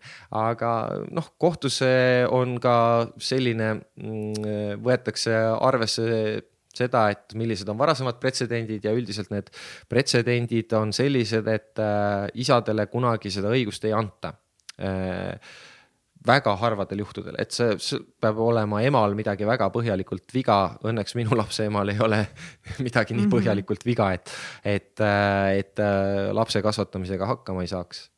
aga mis pani sind nagu, miks mitte öelda seda, et lihtsalt nagu jagame meie tütre, et vahepeal ta on mingi nädal minu juures, nädal sinu juures või nädalavahetus minu juures mm. või kuidas iganes, on ju, et. et miks sa võtsid sellise seisukoha, et üldse öelda, et ma tahan tema hooldusõigust endale? ma vaatan Mihkel, et sa oled maru naiivne see, see on täpselt. ma ei ole, ma ei ole kunagi selles olukorras veel olnud. absoluutselt. ma ei tea, kuidas maailm keerleb. küsimus äh, muidugi loomulikult see oli, äh, sellest äh, saab kõik alguse, et kõigepealt on siuksed ettepanekud, tundub, et sa käid need mõtted nagu läbi, sellele öeldakse ei, on ju. ja, ja siis äh,, äh, siis lõpuks sa jõuadki sinnani, et sa oled nagu vaidled selle üle, et kes siis last saab kasvatada, aga noh. minu jaoks oli nagu hästi koomiline oli see, et äh, kui meil see esimene kohtuistung oli ja äh, kohtunik, kõik tõusid püsti, istusid maha, kohtunik äh, tuli saali ja siis äh, lõi toimiku lahti ja ütles, et äh, nii, et teie hagi on perspektiivitu, hakkame arutama Äh, mis hagi seda. siis on perspektiivitu, mis no, see tähendab? tegelikult äh, hagi ei ole vist õige sõna, sest äh, ma ei tea, kas tsiviilvaidluses ikka kasutatakse hagi või kurat, ma näen, ma ei ole jurist, on ju. tuleb kohe välja, et ma ei ole, tuleb välja, et ma ei ole ju sellepärast ei võitnudki. Aga jaa, et teie nii-öelda soov on mõttetu, perspektiivitu, siis laps enda juurde saada, et noh, see oli esimene lause, mida siis nagu kohtunik ütles, on ju et sisuliselt, oota, kas et me saame aru, et. seda kokkusaamiskorda, et millal ja kui palju sa oma lapsega saad kokku saada. et noh, see oli tema selline okay. lause, ilma et ta oleks nagu, ta oli vaadanud nii-öelda need äh, avaldused äh, läbi, mis me olime siis esitanud sinna.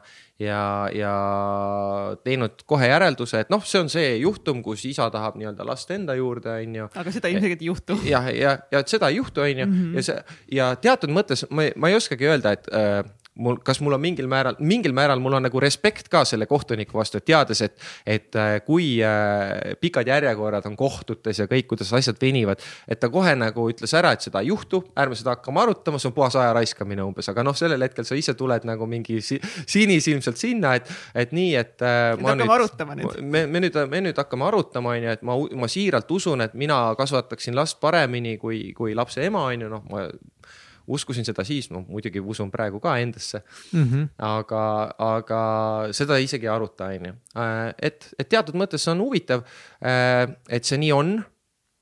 Äh, ja see ei tundu nagu päris õiglane see, selles vaates, et, äh, et tegelikult noh, ma arvan, et ikkagi peaks vaatama nagu arutama neid, sellepärast et seal taga on ikkagi inimesed, seal on nagu noh, seal on äh, lapsed väiksemad või suuremad, aga ikkagi äh, noh, päris niimoodi, et äh, me ei vaata ja me ei aruta, et äh,, et see on niisugune noh, üllatav oli minu jaoks, aga mm, -hmm. aga noh, tegelikult selline see süsteem on, et sellega lihtsalt peab nagu arvestama.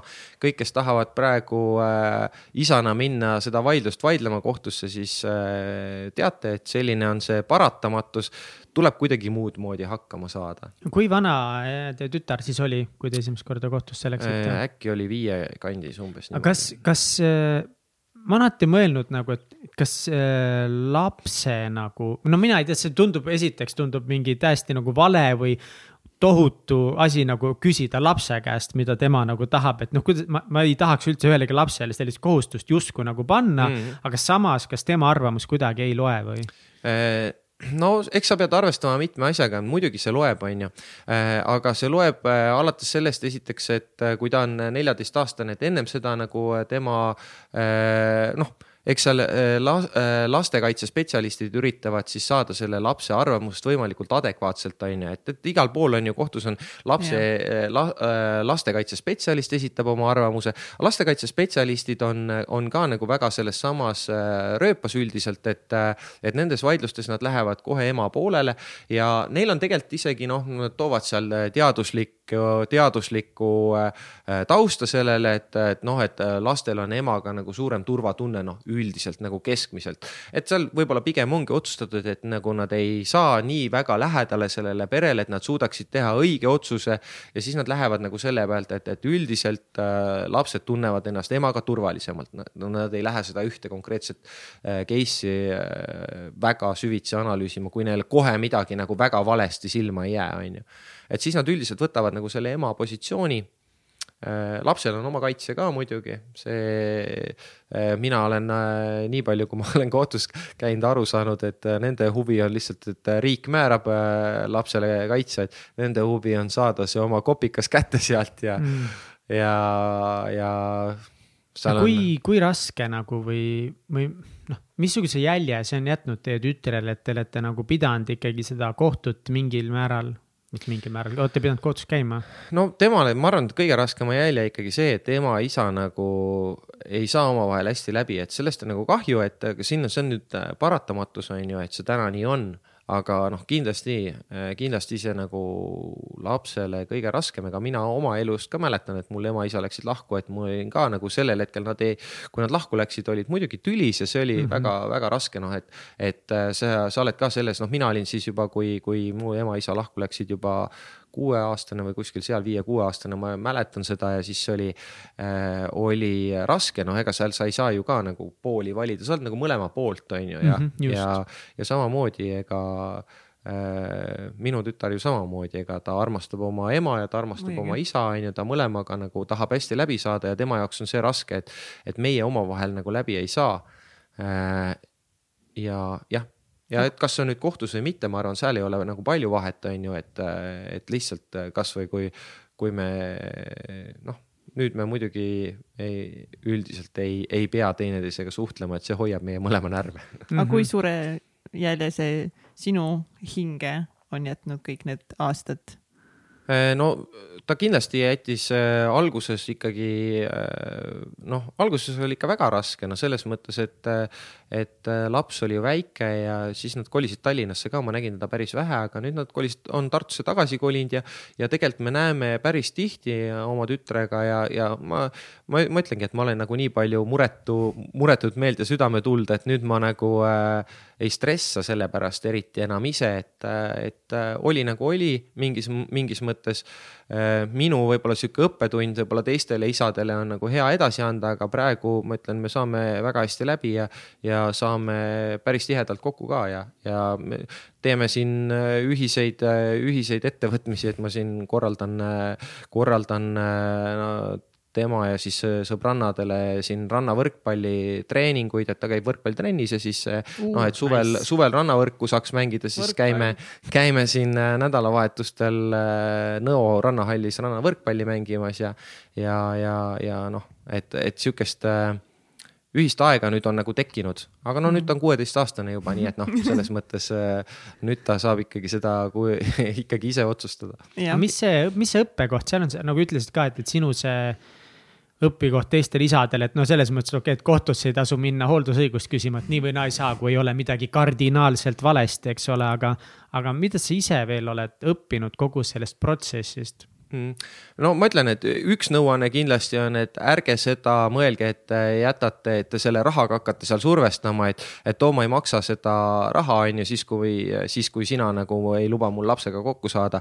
sest et lõpuks te kaotate sellest, mitte te ei võida, vaata, et mm, -hmm. et noh, niikuinii äh, see, see raha noh, selles mõttes, et ma selle ära pidin maksma, see on normaalne, on ju, see on nagu kõik okei okay.. Äh, aga, aga lõpuks on niimoodi, et kui sa kohtus oled selle asjaga, siis äh, seda vaadatakse kui miinust et sa oled seda raha ka survestanud, nii et pigem kui lähed kohtusse, maksa ennem ära, et sa ei ole võlgu seda ja siis on nagu, on parem, et sellega ja. nagu sur, suruma minna ei ole mõtet, see oli kindlasti üks õppetund. ja, ja noh, üleüldse võib-olla ei ole mõtet kohtusse minna, et ma ei teagi tõenäoliselt ongi võib-olla, kui kuidagi on võimalik äh, lastekaitsespetsialistidega seda asja lahendada, oleks nagu väga hea võib-olla mingit kolmandat osapoolt kasutada. noh, see on muidugi jällegi, ma natukene räägin naiivselt, on ju selles mõttes, et ma tean, et ega teinekord on ikkagi emotsioonid tulevad ja mõtled, mul on õigus ja kohus peab mulle õigust andma ja noh, selles mõttes ma, ma ütlengi, et ma olen kohtus nii palju, kui mina oma elus käinud olen, siis on täpselt sihuke tunne, et, et, äh, et äh, noh nagu sa ei saa sealt õigust, on ju, aga ma olen ilmselt nii lollide asjadega käinud täpselt selle lapse asjaga, et kui kolm korda sealt läbi käid ja siis vaatad, et noh, see ei ole nii, seaduses niiviisi kirjas, nagu te otsustate ja. ja need spetsialistid ja et nad, nad ei tee oma tööd äh, umbes, et ta ei lähe isegi see lapse jurist, parim näide, et lapse jurist ei saanud lapsega kokku kordagi. ja esindas teda kohtus aga mida, okei okay,, mida see tähendab, et esindab ta kohtus, mida see tähendab? no vaata, seal on vaidlusel on osapooled, on ju, kui, kui sellisel juhul, kui on hooldusõiguse vaidlus, on ju. on lapse ema, lapse isa ja laps, on ju, ja laps ei tule ise sinna kohtusse, on ju, vaid temal on oma esindaja riigi poolt määratud, see on ju tema advokaat, on ju. aga tema advokaat peaks temaga saama kokku riik on määranud talle nagu... advokaadi, see okay. advokaat esindab last ja lapse huve, aga, aga see tüüp, kes seal oli, ta isegi ei saanud kokku lapsega, noh. tuli kohtusse esindama teda. aga ta teadis peast. ta teadis, ta teadis nagu peast. ta teadis nagu, ette, mis on lapse huved. ja oluline on võib-olla siinkohal lihtsalt mainida seda, et, et me ei võta siin antud nagu olukorras mingeid pooli, me oleme neutraalsed ülipoliitiline, ma olen täiega Marti poolt täiega kõik perse. ma selle advokaadi osas võtaks küll seisukoha, et tuleks ikkagi saada kokku inimesega, kellega sa Lähme kohtusse, saate ka kohtusse. Ma räägin üleüldises nagu mõttes, et me ei võta siin nagu, nagu selles mõttes isa või ema nagu, nagu pooli, vaid me oleme siiski siin neutraalsed ja me arutame seda Marti eh, õppetundi või? Marti seisukoht oli. kuidas Marti kuidas, ennast tunneb, me arutame seda, kuidas Marti ennast tunneb. on näinud seda erinevates olukordades, ongi erinevad lahendid ja kindlasti ongi nagu palju vastupidiseid olukordasid, ma tean enda väga head sõbrannad, kellel on täpselt vastupidine olukord, kelle siis eh, eksabikaasa nagu aastaid lihtsalt kütab eh, kohut, ei jäta rahule lihtsalt nagu noh, seal käib sihuke terror nagu mm. aastaid, aastaid, aastaid, et alati nagu on olukordi erinevaid. jah, seal ongi nagu hästi keeruline, ei saagi minu meelest nagu üldist eelistatud äh, sellist äh, otsust nagu teha, aga vahepeal on selline tunne, et nagu seda rada minnakse, et, et äh, kohtunik võtab sihukese noh, üldistatud hoiaku, et, et saame selle kiiremini kaelast ära ja, ja niimoodi, et nagu ei, ei minda sinna väga väga detailides sisse ja, ja. ja no nad vist vaatavadki seda ka, et nagu kohtulahenditega, et kui nagu kui palju mingeid kohtulahendeid on olnud nagu antud olukorras on ju, et nagu kui nagu üheksakümmend üheksa protsenti on nagu ja, läinud nagu nii, siis nagu. aga, aga see, nagu, aga see on lõpuks ennast ise tootev äh, ennustus, sest et järgmine ja, äh, protsent läheb nagu. jälle iga selle otsusega suuremaks ja järgmine kohtunik vaatab juba on üheksakümmend üheksa koma üks protsenti on ju. kuidas ma panen see null koma üheksa peale? Nagu, päris. mina ei ole sellest kunagi aru saanud, sellest loogikast, et, et nagu nagu nii, kuidas on ajalooliselt ja. läinud, et me võtame seda väga, et nagu päriselt kohtu töötab, ma, ma, ma ei usu siiamaani. sa peaksid ka juurat õppima, et mina ka ei õppinud, nagu me oleme juba aru saanud, sest ma olengi nagu loll selles valdkonnas, aga noh. ma saan, saan aru, et võetakse vastu mingi seadus ja siis äh, seal on mingid asjad kirjas ja kui nüüd tekib vaidlus, kuidas seda kirjasõna tõlgendada, siis kui üks kohtunik on seda niimoodi tõlgendanud, siis äh, äh, tulevikus öeldakse, et näed, et tema tõlgendas seda nii, järelikult see on nii, noh. aga kui ta, aga kui, no juhuslikult, kui ta oli näiteks lammas no siis äh, järgmine on oinas, kes, kes ei seda... no selles mõttes, sul on alati võimalus nagu minna järgmise astme kohtusse ja sealt edasi Aa. nagu Euroopa Aa. kohtusse ja nii edasi ja nii edasi, et ongi okay,, aga see okay. nõuab tohutuid aega, raha, juriste, advokaat, noh, see on nagu noh, et kas see on lõppkokkuvõttes nagu väärt kõike. aga kas te olete proovinud ka ära leppida või kuidagi leida nagu mingit noh. ma mõtlesin, et sa hakkasid, hakkasid nagu, tuleb nagu see Kreisi raadio, et me oleme kõike proovinud, aga vot nii me ei ole proovinud tead, tegelikult äh, jaa, oleme, et me käisime isegi psühholoogilise nõustaja juures, sinna saatis kohtunik meid äh,. äh aga lõpuks sellest ikkagi nagu eriti midagi välja ei tulnud, et, äh, et ikkagi vist oleme ikka mõlemad nagu parajad kivipead kurat, keeruline olukord. väga-väga keeruline, aga noh, no on jah, no nüüd õnneks nagu ma ütlen, et, et see selles mõttes, et elu on seda lahendanud nüüd nagu niimoodi, et, et äh, enam seda probleemi nagu pole, aga noh, võib-olla sihukene väikene pekkiminek elust jällegi, millest, millest on siis õppida. kõige tähtsam on see, et saad oma tütrega täiega hästi läbi, see on nagu lahe, see on, ma arvan, kõige tähtsam. ja ma, ma olen praegu nagu küll selle üle õnnelik. Kas sa oled üldse oma elus praegu heas kohas? või oled halvas kohas? ei, ma ei ole halvas kohas, et äh, ma, eks see on niisugune raske küsimus, et selle, selle üle peab mõtlema, et äh, ma Mõtle. Pigem olen heas kohas, et äh, kui sihuke binaarne valik tuleks teha, siis vastus on jaa, aga no eestlased kunagi ei tee binaarseid valikuid, eestlased hakkavad nagu seda, et mm, ku, kuidas käsi käib no nii ja naa, et mm, eile oli mm, kivi tossu sees aga mis siis on tänased väljakutsed? tänased väljakutsed on ikkagi äh, ootame Stebiga, kuna koroona läbi saab, et äh, siis äh, panna täisvunk äh, välisturgudele, tahame ikka Läti-Leedu saada vähemalt samamoodi käima nagu Eesti. see on kindlasti väga oluline väljakutse, me tahaks äh, mingile suuremale turule sellega liikuda, see on nagu oluline väljakutse äh,. siis äh, FitQ tahaks kenasti käima saada, et äh, ka kindlasti nagu olu-, oluline.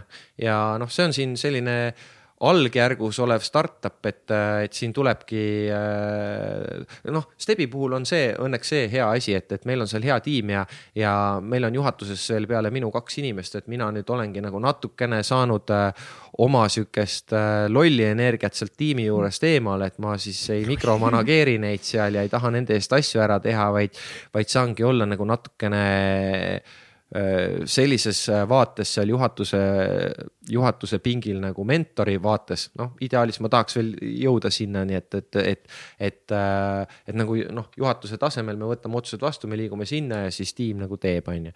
ja siis FitQ-s ma saan siis oma sihukest rahmeldamise energiat nii-öelda välja, välja lõhkuda, et, et praegu äh, kaks äh, töökohta sisuliselt mul äh, täiskohaga, aga äh, nagu sihuke mõnus on, et energiat on, selles mõttes ma olen nagu heas kohas.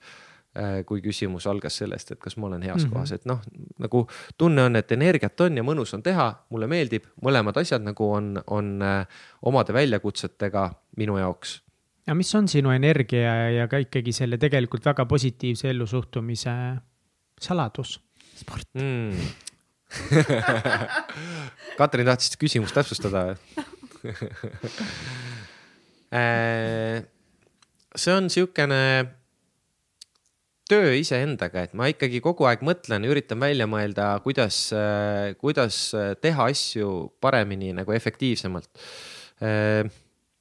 kaua on läinud võib-olla selleni, et, et jõuda siia, kus ma olen, aga ma tunnen ikkagi, et ma olen arenemisvõimeline ja, ja just kuulsin äh, väga huvitavat, väga huvitavat äh, ühte podcast'i, kus öeldi, et, et need ettevõtmised, mida alustavad inimesed, kes on jõudnud neljakümne kahe aastaseks, et need on äh, statistiliselt kõige edukamad, nii et järelikult need asjad, mida ma nüüd praegu ette võtan, noh, nüüd ma sain juba nelikümmend kolm, aga et need, mida ma nüüd ette võtan, et need on siis need minu elu parimad asjad.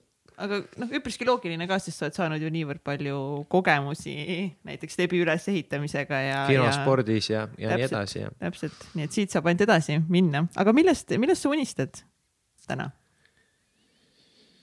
hmm.. nii kurb on öelda, et nii palju unistusi on nagu seotud nende tööalaste asjadega miks see kurb on ja täpselt? ma ei tea, nagu peaks võib-olla mõtlema, et, et kuidagi võiks mingi äh,, ma ei tea, millest mõelda, et millest unistada, aga. näed, sa isegi ei tea, millest muust unistada. tead, ma ütlen sulle ühte asja. kes, oot, oot, oot, oota korra, Martin. nii, kes see eh, sajas episood, issand, Timo Porval Timo Porval,. jah. Timo Porval ütles väga hästi äh,. laps on tehtud, olemas, super, nüüd saab ainult rahulikult tööd panna. tema on No, ka oma väga elukaaslasega hästi. ütles, ega tegelikult nagu, mis ma tahtsingi öelda, enne kui sa oma sajanda saatega siia vahele. see oli oluline. jah, ei, Timo Porval on kindlasti väga lahe, ma kuulasin isegi tema saadet ja ma olen temas turunduslaboris äh, äh, ka osalenud, et äh, sealt Timo! saanud turundusteadmisi ammutanud. aga ja, et, et äh, mingi selline võib-olla sihuke klišee on öelda, et tahaks nagu mingit märki jätta vaata endast. klišeed on mu lemmikud, klišeed on parimad, nii et küta Martin klišeesid järjest, no see ongi jah, et, et, et, et tahaks midagi teha, mida nagu inimesed, paljud inimesed kasutavad, on ju, ja. ja et sa tunned, et vot mina tegin selle ära nagu noh, et see on nagu yes. äh, sihuke driver hmm.. Siis meil ju sama. võiks küll olla unistus hoopis, et äh, kuskil mererannas olla, plätud jalas ja täiega palav. aga kui see ei ole sinu unistus, siis ei ole sinu unistus ja miks see ja. peaks olema ja. unistus täpselt, see on nii väga huvitav, et sa just praegu sa ütlesid, et, et peaks olema unistus või et peaks olema see, et oled kuskil rannas, miks? võiks olla, vaata, ma olen nagu selles mõttes. Äh, ma olen äh, kuulanud ka teistsuguse mentaliteediga inimesi rääkimas, mitte ainult neid, kes hirmsasti tahavad mhm. tööalaselt kuskil midagi saavutada ja kes on nagu sihukest hingerahu otsinud, nendel on võib-olla natukene teised eesmärgid kui tööalased. Äh, et äh, nagu enda sees oleks rahu ja, ja, ja, ja kõik on ju, et midagi sihukest on ju, et siis ma tunnen ennast õnnelikuna et ma täna selles kohas veel ei ole, nagu see oli see minu mõte. aga, okay. aga kas peab olema selles kohas või ma mõtlen, et mulle tundub, et need on lihtsalt nagu erinevad eesmärgid. et ühe inimese eesmärk elus võib-olla ongi see, et ta tahab jõuda, no näiteks, et tal on mingisugune passiivne sissetulek, et saabki rannas mediteerida, mis on ülihea eesmärk. teise inimese eesmärk on võib-olla see, et ta tahakski elu lõpuni ehitada ettevõtteid, mis loovad väärtust või loovad töökohtasid mm. -hmm kurat neid passiivse sissetuleku vendasid ma olen küll näinud, kes räägivad, et teeme passiivse sissetuleku ja siis äh, äh, hakkan elu nautima ja siis äh, enamik nendest lõpetab sellega, et ostab järjest uut kinnisvara juurde. päev otsa vahib äh,, kuidas aktsiaturud liiguvad üles või alla ja mis Bitcoin teeb parajasti. Need on need äh, vennad, kes siis äh, ütlevad, et oi, ma nüüd natukene teenin raha ja siis ma hakkan nautima elu, tegelikult teevad täie kohaga tööd. aga see on see, mida nad tegelikult teha tahavad, neile meeldib see raha taga ajada. aga sul on see võimalus võimalus okay., et sa saad minna nagu palmi alla kuuks ajaks ennast nagu laadima, kui sa tahad seda küll, jah. täpselt nagu noh, ma arvan, et nagu see on äge. nii et kas sa tegelikult siis ikkagi tahad minna palmi alla puhkama või sa tunned, et see on nagu mingi asi, mida sa pead tahtma, sest see on äh,? ei, ma ei, tegelikult ei tunne, et ma peaks seda tahtma, lihtsalt äh, sellel, ma, ma ütlen, et ma olen äh, äh tean, et inimestel on nagu elus erinevad eesmärgid ja mõne jaoks kõlab see võib-olla kurvalt, kui keegi ütleb, et tahaks, tahaks oma tööd hästi teha, tahaks nii, et nagu märk maha jääb, on ju. et see on nagu mingi eesmärk, on ju, et, et see võib-olla nagu tundub, tundub äh, higine aga et, et võib-olla võiks olla eesmärk nautida, aga, aga teatud, teatud mõttes ma üritangi neid asju nagu äh, kokku viia enda jaoks, et ise jõuda nagu sellesse heasse kohta, et, äh, et äh, kõike neid asju, kõik need asjad juhtuksid nagu naudinguga ja oleks mm -hmm. vähem stressi iseenda jaoks. nii et äh, hoida oma tööalaseid äh, mõtteid ja eesmärke fookuses ja samal ajal seda kõike nagu täiega nautida. nautida, jess, jas. no vot, see on juba hea eesmärk. nagu mega. oma eesmärke teha naud-, nauditavalt yeah., täita nauditavalt, see on praegu minul väga suur probleem nagu just kuidagi aru saada, kuidas nagu panna erinevad eesmärgid oma, oma, omavahel kõrvuti olema niimoodi nagu mõnusalt, et praegu pigem ma tunnen väga suurt stressi, siis korraga on nii palju. ma tahan neid asju teha, aga ma olen just selles kohas, et, et ma ei tunne naudingut hetkel nendest asjadest, sest nad on kuidagi nii segamini. no mõtle Mihkel selle peale ka, et, et kui sa vaatad näiteks saja meetri jooksjaid, on ju, siis need, kes on nagu tippjooksjad, siis nendel tuleb see nagu mänglevalt, on ju kergelt nagu jooksevad ja siis need, kes on siin Eh, Eesti, Eesti kolmekümnes edetabelis, nagu mina võib-olla kunagi sprindis olin, siis äh, mul on hirmus punnitus näos, kui ma seda sadat meetrit jooksen, on ju. et äh, noh, selle, sellest tuleb vahe, teinekord sihukesest mänglevast kergusest tuleb ka hea tulemus. aga siis on, on ju küsimus on see, et kas nad on siis vale ala peal või, või mis see, mis see tõde siin nüüd siis on hmm.? ei pruugi olla, selles mõttes, et äh, võib-olla nad arenevad. võib-olla nad suudavad vabaks areneda, lasta jah. ennast, võib-olla nad suudavad vabaks lasta ja hakata kiiremini jooksma. aga kas sina täna siis, nagu ma aru saan, teed oma tööd siukse mäng, kergleva mäng, mäng...? ei tee veel, ma, ma olen sinnapoole teel, ma, ma tegelikult äh, tahaks selle mängleva kerguseni nagu jõuda, et olla efektiivne ja need asjad tuleksid kergelt ja et ma ise siis tunneksin nagu seda naudingut sellest, sest see on jällegi samamoodi nagu natukene äh, eesmärgid, eesmärk, mis äh, lõpuks ise hakkab täitma ennast, et, et äh, kui sa sellest muna-kana probleemist nagu üle saad, et kui sa saad selle kerguse nagu sisse, et sa enam ei punnita, siis sul hakkab hästi minema, sa naudid seda. ja siis sul on lihtsalt kerge olla, sellepärast et sul läheb hästi ja, ja noh mm -hmm., niimoodi see, see on, see on nagu natukene, et äh, kuidas sellest äh, raskest äh, kohast üle saada ma arvan, et see Marlen Annabel Kubri ütleks praegu, et ei no jaa, aga et kui sa punnitad, siis umbes lõpeta punnitamine või kui yeah. sul raske on, et siis ära ole enam raske või midagi, midagi sellist umbes, midagi hästi, noh, nemad lihtsalt usuvad, et kõik on lihtne ja sellest on nii raske no, aga neil tuleb ka raskeid hetki nagu selles mõttes. aga, aga seda on päris raske eh, lõppude lõpuks teha, sest mõtle näiteks, eh, kui planeedil Maa ei olnud elu ja järsku äh, tekib sinna Mihkel on ju, ja siis ta mõtleb, et tahaks omletti praadida või tahaks grillkana on ju. aga sul ei ole mitte midagi, sul pole kana ega muna nagu noh, kuidas sa saad omletti paar tuhat aastat inimkonna, ühiskonna arengut. nii et siis me lõpuks jõuame ikkagi selleni välja, et elu ei ole kerge tahaks, et elu oleks kerge. Mindset'i, mindset'i küsimus. teine läbiv teema lihtsalt meie nagu saates, mida me oleme nagu mingi hetk täiega nagu, et on see tasakaal, et kas siis, kas siis elu nagu, kas kas areng ja elu peab olema kerge ja tasakaalus või tegelikult on see, et vahepeal ongi mega raske ja vahepeal peadki sitaks pingutama mm. -hmm. aga see on ka ja, äh, nii, et ega teinekord võib-olla seda pingutamist äh, peab ka nautima, et, et igasuguseid raskeid väljakutseid, igast jaburusi, mida ma ka oma elus teinud olen, lõpuks äh, nagu natukene pead nautima, et, et kasvõi sihukene äh, ühe päeva Ironmani triatlon sisetingimustes, mida ma kunagi kaks tuhat neliteist aasta esimene jaanuar tegin, on ju. et see oli väga julmalt raske, aga, aga te, tegelikult ju äh, sihuke positiivse psühholoogia koolkonna rajajad ütlevadki, et sul peab see eesmärk olema täpselt sihuke mõõdukat väljakutset pakkuv, nii et sa, sa veits kahtled, kas sa selle ära teed aga kui sa teed ära selle, et noh, see on see, mis sind arendab, on ju, nii et mm -hmm. selleks, et areneda, sul peab vahepeal ka raske olema, nii et, et see ongi sihuke, mõlemat on, ongi vaja. et läbivad jooned teie saatel on õiged ma arvan sama. see on hea, te olete ka üle saja episoodi nüüd otsinud, mis teie saate point on mm. -hmm. oled jõudsid tõdemusele. arvasime, et räägime sellest, mis läheb elus pekki, tegelikult räägime sellest, kas peab olema raske või peab olema tasakaalus, kurat, kumb ta siis on? või lihtne, kerge niimoodi, mina pean täna minema Jackile ravimeid ostma, by the way. meil on, kutsu on jälle haige, noh. me mm. peame ostma apteeki, sest kutsu, kutsul on mingi maksanäitude, mingi paha asi mm.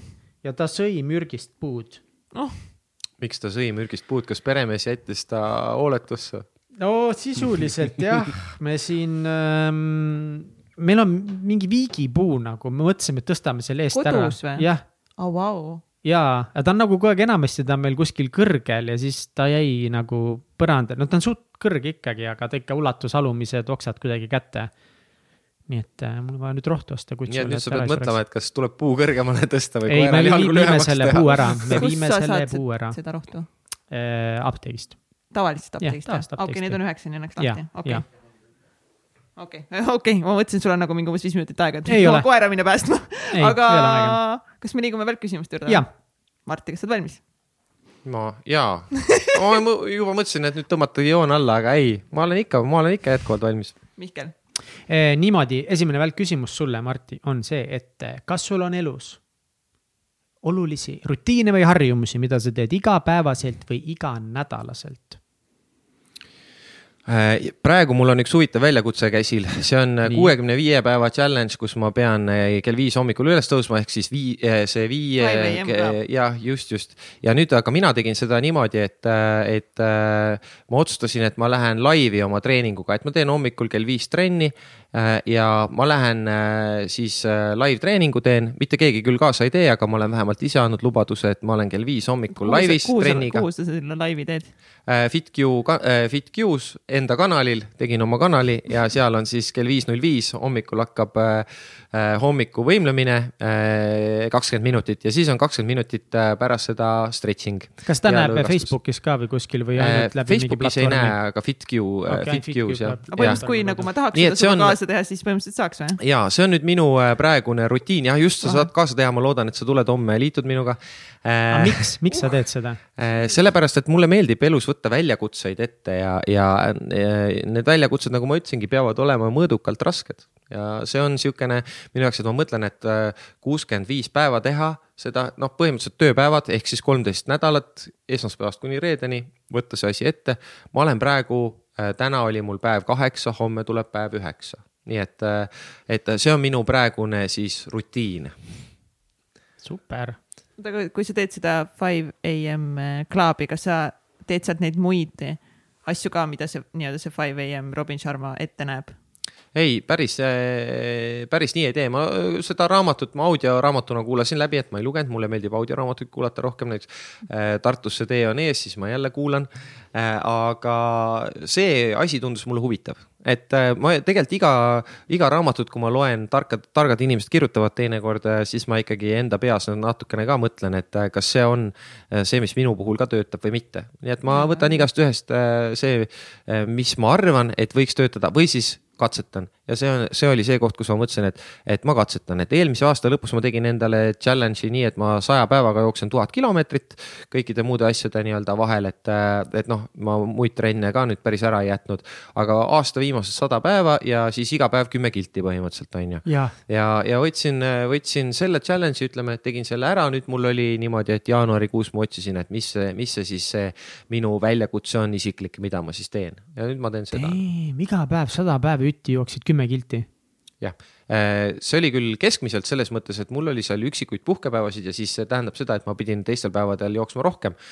Äh, kõige pikem ots, mis ma seal tegin, oli kolmkümmend kilti äkki või. kurat, sport on ikka elu vundament, sa oled, sa näed nii hea välja, sa oled nii põkka nii et see paneb mõtlema. ma korra, korra tegema. uurin veel, et kui inimesed nüüd kuulavad, on ju, nad ikkagist äkki tahaksid sinuga kell viis null viis tulla seda FitQ eh, trenni tegema. muidugi tahavad, aga nad ei ärka üles lihtsalt. Eh, kusjuures meie teine Robin Sharma siin, eh, Timo Porval äkki kuulab seda, äkki teete koos, aga ma mõtlengi, et ma läksin nüüd siia FitQ lehele, onju. ma pean, kas ma pean nüüd endale siia konto tegema? ja, konto pead küll tegema okay., aga see on väga lihtne sign up. Sign up ja. Sign up with Facebook või? tule Facebooki või Stebi kontoga sisse Stebis ja siis sa oled. ei ole kontot. no see on küll nüüd viga see on nüüd küll. oleks seda saate alguses tuleb, teada. tuleb, tuleb välja, et see on üks suurimaid pekkiminekuid. no kats ei ole töötanud kohtades, mis on pakkunud siin normaalselt, minul on küll Stebis konto, ma olen kõvasti kasutanud, ma kasutasin massaaži ainult sealt, see oli best ma olin mega rahul, ülisuper, kui tööandja toetab sinu sportimist ja siis sa sporti-ID-st võtad massaaži see on nii fucking hea. aga muidu. Already exists. aga kuidas see võimalik on ma ei tea, keegi on minu ära registreerinud siia. no näed, väga hea. What? ei, teeme su konto pärast korda. ühesõnaga, okei okay,, ma, teeme nii, et ma nagu sain siia sisse, onju sest tõenäoliselt on see ülilihtne, ma olen võib-olla lihtsalt kunagi. pane fitq.me kaldkriips Marti Soosaar ja seal on minu kanal. on okay. jah, no nii. minge kõik. jaa hakake hommikuti trenni tegema, näed, page nelisada neli, noh. aa, no ma pean sisse logima, et seda näha, jah no,. ilmselgelt, Mihkel, millest me just rääkisime. Sign up, login, värgid-särgid. ega me teeme ikkagi toodet selleks, et inimesed regaksid, maksaksid. kuule, kas sa maksad meile ka pärast mingi räigelt palju raha selle product placement'i eest? muidugi, muidugi, meil on siin ikkagist nagu noh, selles mõttes sada tonni on eh, meil nagu see, nagu see käib, aga see, see on hullem kui Reformierakonna kilekotiralli, ma ütlen. absoluutselt Tõni, küsimus, küsimus number kaks, milles sa väga hea ei ole? paljudes asjades ma nendega lihtsalt ei tegele, võib-olla nii palju. Nagu näiteks? Klaverit ei oska mängida. ei oska klaverit mängida, väga häbiväärne siis tõesti. ma ei ole, ma, ma räägin, et muusikaga on, muusikaga on kehvasti, mulle muusikat väga meeldib kuulata, ma kuulan väga palju erinevat muusikat. ma käisin koorilaulus, seda ma vist mainisin mm -hmm. ka alguses, aga instrumenti ma ei valda ühtegi mm.. okei okay. ähm,. oota, minu kolmas küsimus jälleks, mille üle sa oled kõige uhkem oma elus? praegu ma olen ikkagi kõige uhkem oma tütre üle, sest mul on väga tore vaadata, kuidas ta areneb ja, ja mul on väga kurb alati, kui tal on oma mured mingisugused ja neid ikkagi on, need tunduvad teinekord nii lihtsad mulle, et miks üldse, miks see asi üldse muret tekitab aga teistpidi jällegi siis tuleb alati mõelda selle peale, et kui ise teismeline olin, et mis siis mured olid ja siis ma ütlen, et kindlasti need olid veelgi lihtsakoelisemad. nii et noh, paratamatult see nii on ja alati, kui mingi asi hästi läheb, siis, siis ma tunnen rõõmu ja tal siiamaani on olnud kõik aasta lõpuhinded viied, nii et selle üle ma olen alati uhke olnud. ja nüüd täna mulle tuli kurb uudis, ta helistas ja oli väga pettunud, et ta sai teise trimestri järjest matemaatika nelja, mis lõhnab selle järgi, et hakkab lõputunnistusele neli tulema esimest korda elus ja nüüd ta peab sellega kuidagi hakkama saama, ta oli üsna murtud selle, selle pärast. Jesus Christ, aga mis siis? Savi ju. no vot, ma ütlesin ka, et, et äh, katsu, noh, muidugi pean ikkagi kaasa tundma ju selles mõttes, et see on temale oluline, vaata. aga, aga noh, teistpidi püüad ju lohutada, et noh, mul olid kõik kolmed näiteks no ja vaata mind nüüd on ju, nii et proovi ikka viis saada. see võib olla megastruggle, ma mäletan, et eh, mul oli see, et kui mul keskkooli lõputunnistusel vist lambist, kas see oli vist nagu muusikaõpetus kuidagi tahtis saada kolm nagu siis ma olin ka täiesti hüsteerias lihtsalt nagu mm. see nagu ei saa, ma tahan lõpetada nagu heade hinnetega, et see nagu pluss, kui tal on kõik viied, siis ta tahab võib-olla keskkooli lõpetada kuldmedaliga, et noh, seal on nagu väga suured eh, see, et noh, mis nüüd vaata. ja, ja ei no see, ma saan aru, et see on nagu see on mure noh, et mm. ja, ja selles mõttes ongi nagu, et distantsi pealt vaadates nagu see tundub, et aga noh, et elus on palju nagu suuremaid muresid, eks, aga, aga noh, iga kõikide teiste mured tunduvadki alati väiksemad kui meie enda omad. no see on tema mõttes. peamine mure sellest tänasest päevas, eks ole, jah. ja noh, selles mõttes, ega ma saan ju tegelikult aru, et see on, see on see nii-öelda töö, mulle meeldib selles raamatus nagu Getting Things Done on nagu seal kirjeldab, kõik, mis me elus teeme, on nagu töö, mitte nagu negatiivses mõttes, aga töö on lihtsalt mingi ühe protsessi A, punktist A punkti B viimine, on ju, see on töö meie igapäevatöö, meie mingid muud projektid, kõik, mis me elus mm. teeme, on töö. seal kas see isegi mingi näide, et, et äh, sokid pesukorvi viimine. jah, sokid pesukorvi viimine täpselt on töö, see on ja. projekt, see on töö. ja noh, see on lihtsalt tema, tema töö täna, eks ole, mina tööl ju tegelikult tahan samamoodi, et kõik asjad, mida ma teen, on nagu väga hästi ja kui midagi vahepeal läheb kehvasti, siis on nagu natuke kehvasti. siis on väga kehva, siis ma tunnen ennast halvasti, siis ma pahurdan. ma olen isegi ennast visanud mitu korda kontori põrandale ja teinud lumeinglit ja öelnud, et mina rohkem ei tee I quit mis on kõige pöörasem asi, mis sa elus teinud oled ja kas sa teeksid seda uuesti? et siin on, siin tuleks jah mingit edetabelit hakata tegema, et see on päris kindel, et äh, need pöörased asjad on olnud täpselt sihukest, et need on one time only on ju, et neid ikkagi uuesti ei tee. et kasvõi noh, seesama näide, mis ma sellest Ironmani, äh, sise Ironmanis tegin üksteist pool tundi, noh. selge, et ma ei lähe seda uuesti tegema, et kas see nüüd on kõige pöörasem asi või on veel pöörasemaid, noh siin sada kilomeetrit äh, jalutuskäiku kahekümne nelja tunniga, mis me tegime, oli üpris ebameeldiv on ju niimoodi kokkuvõttes. noh, selles otsas ma ei ole kindel, et ma seda uuesti võib-olla ei tee, et võib-olla, võib-olla seal on nagu arenemis äh,, arenemisvõime. nojah, ühesõnaga igast hullused, ma, kui ma teen ta ära, on ju, et ma ei mõtle nüüd, et ma seda tahaks uuesti teha, et tõenäoliselt võib-olla, kui ma see kuuskümmend viis päeva olen hommikul kell viis äh, teinud seda trenni, siis ma ei tea, kas ma jätkan või ma ei jätka, ma ei tea seda, aga kõige hullemad asjad tõenäoliselt on, ongi, ületasid ennast ja rohkem never ever mis on edu võti? Mm, eh, sina ise alati, ma arvan, see on kõige populaarsem vastus, on ju. tõenäoliselt ei ole või, mm-hmm. sest et äh, ma olen suhteliselt äh, kindel, et, äh, et inimene, kes iseendasse usub, et see, tema ise on see edu võti, et noh, mõnel, mõni võib-olla ütleb, et jumal on elu võti, aga, aga noh ma ikkagi soovitan igalühel need asjad enda kätte võtta, mitte jumala peale lootma jääda. väga ilus vastus skaalal ühest kümneni, kui veider sa oled hmm.? no iseenda meelest üldse mitte, teiste meelest väga ja siis kokku tuleb võib-olla mingine seitse või mingi sihuke punkt umbes eh, mul on eh, täna uus küsimus. aga küsi see teine küsimus ka äh,. tsitaat. jah, ja, ja siis kas... oma uus küsimus. ja, ja okei okay,, davai ähm,. kas sul on juhuslikult mõni tsitaat, mõni lemmiktsitaat, mis sulle väga meeldib hmm.? Mul on nagu igast tsitaatide ja anekdootidega sihuke värk, et need ei jää mulle hästi nagu meelde või, või niiviisi, et kui sa ütled, et äh, täpselt sama, kui sa ütleksid, et ütle, räägi oma lemmikanekdoot ja mul ei tule mitte midagi pähe, noh. et äh, mul kipub nii olema. Äh, okay. tihti need tulevad äh,, need tsitaadid või anekdoodid tulevad sul alati äh, millegagi seoses nagu meelde et, et see, et pritsi nüüd üks nali, et nii ei tule mult tavaliselt midagi. viska, viska üks tsitaat. pritsimeele tsitaate, okei okay,, aga eh, selline küsimus, eh, seda küsitakse ühe minu lemmik podcast'i How I built this eh, lõpus alati. ja ta küsib nii hästi seda, seal on muusika taga ja kõik mm. võtab saate kenasti kokku no,, mida mina täna ei oska teha. see trumm, mis sul siin ei, süles aga, on. aga see küsimus on väga-väga lihtne, selles mõttes ei ole üldse midagi erilist ähm, vaadates tagasi, võtame siis Stebi just, võtame, vaadates tagasi Stebi kaheksa aastat äh, tööd ja vaeva, siis kas sa ütleksid äh, või kui suur osa on täna sellel, et ta nüüd on seal, kus ta on, ikkagi edukas ettevõte, nagu ma ütlesin, sadu tuhandeid kasutajaid ja kui palju seal on tegemist õnnega ja kui palju on tegemist sinu enda väga raske töö ja enesearenguga räigelt subjektiivne vastus, et sellele objektiivselt. see terve saade on subjektiivne, see ei ole mingi objektiivne saade.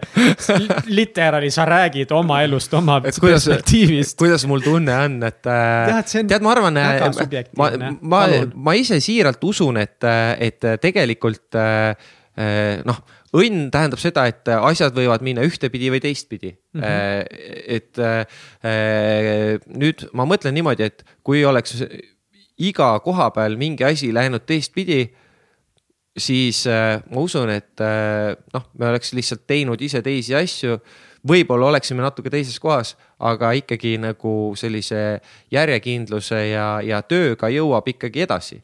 et äh, tõenäoliselt, kui mingid asjad oleksid äh, kuidagi läinud teistmoodi, siis jah, me oleksime mingis teises kohas äh,. aga, aga ma usun, et äh, et see koht oleks ikkagi hea koht mm. -hmm. mitte Väga kuskil hea. soojas ja pimedas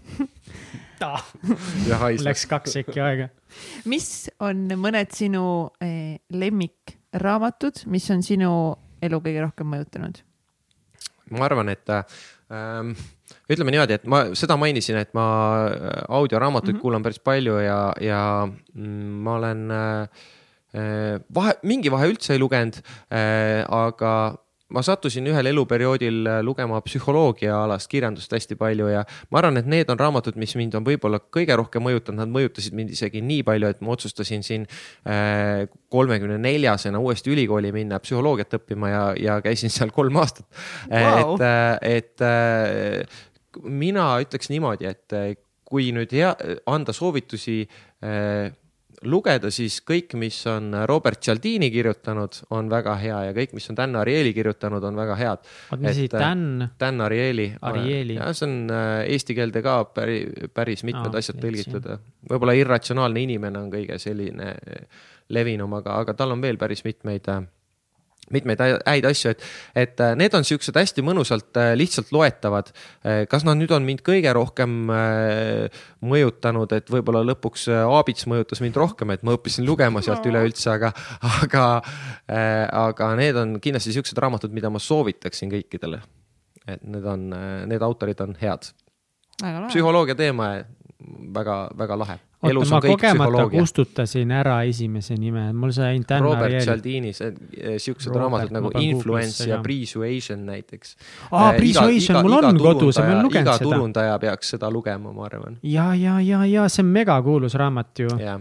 Persuasion, kuule, aga super, meil on sulle ka rampse siin ja ma saan küll aru, et sa eh, loed, loed, kuulad rohkem audiobook'e, kuid siiski meil on täna sulle valikus siis eh, koostöös Million Mindsetiga üks raamat, mida sa saad valida ja võib-olla siit oled juba neid ka lugenud, aga esimene siis eh, Grant Cardone'i oma see kümne korra reegel siis Kiit Ferrazzi ei ühtki einet, üksi ja teisi nippe, et suhete loomise abil edu saavutada. ja siis vana hea klassika eh, Simon Sinek ehk siis esmalt küsi, miks start with why. kas mingi neist kolmest raamatust kõnetab sind? mida sa tahaksid? ma olen täitsa kindel, et need on kõik väga head raamatud. mul Kindlasti. on sihuke tunne. ei ole veel neid jõudnud lugeda aga need on seda, Sineki, Sineki neid äh, asju ma olen vaadanud, et selles ja, mõttes ma selle praegu jätaks, selle, selle ma esialgu jätaks äh, kõrvale nendest ja siis, äh, mis ma siin ikka nagu pikalt nuputan, ma võtan selle kümne korra reegel, ainus erinevus edu ja ebaõnnestumise vahel. no täpselt. Uh,. Boom. vot ja ja, tegelikult ma võtsin teile ka kingituse oi, meie lemmikosad saadetest, kui meie sest et ma saan nüüd. reklaami teha, Stebi kinkekaart, et äh, palun Vau, vau, vau, Ja- ja- ja palun, aitäh. äh, ossa on- raisk, mine noh. läksin produtsendile ka, küll on siin natuke väiksemad, aga anname need. Egert, kas Ichertile sina said Egertile. seekord kingituse, Egert on alati mingi, miks te kunagi ei ütle, et meid on siin rohkem? ma teen nalja. mega tore Oli- oli- oli- kinkekaart väärtus viiskümmend eurot, heaoluteenuste soetamiseks logi sisse Stebi kontorist ja kinkekaardi kood, imeline lihtsalt. nüüd on, nüüd ei ole sul varianti sellest kontost äh, pääseda, see oli taktikaline manööver. täpselt, nüüd ma lihtsalt lähen sinna ja ma teen kõik ära, vaata, mega tänksud. no näed, see on see meie hind, meie hind lihtsalt ongi see, et saada lihtsalt nii räiget reklaami. jumala tore, aga Stebi mega hea ettevõte, mina alati. ja mina olen täiega selle poolt, sest ma ikka ütlen, et see on. visiooniga eesmärk, teha inimkond tervislikumaks. Ma panen sulle suurema visiooni, kui sa ise täna ütlesid, voh. ma sellepärast ma olingi hea müügimees sulle. ma ikkagi, ma, ma ikka, lõpetame ikka sellel noodil, daamid ja härrad nagu. Mihkel on hea müügimees, kusjuures Mihkel on kusjuures tead, mis ma olen saates mitu korda öelnud, ma olin ähm,, ma olin hea müügimehe potentsiaaliga, aga sisimas ma ei tahtnud seda tegelikult kunagi teha. see on asi, mida ma tagantjärgi olen nagu aru saanud.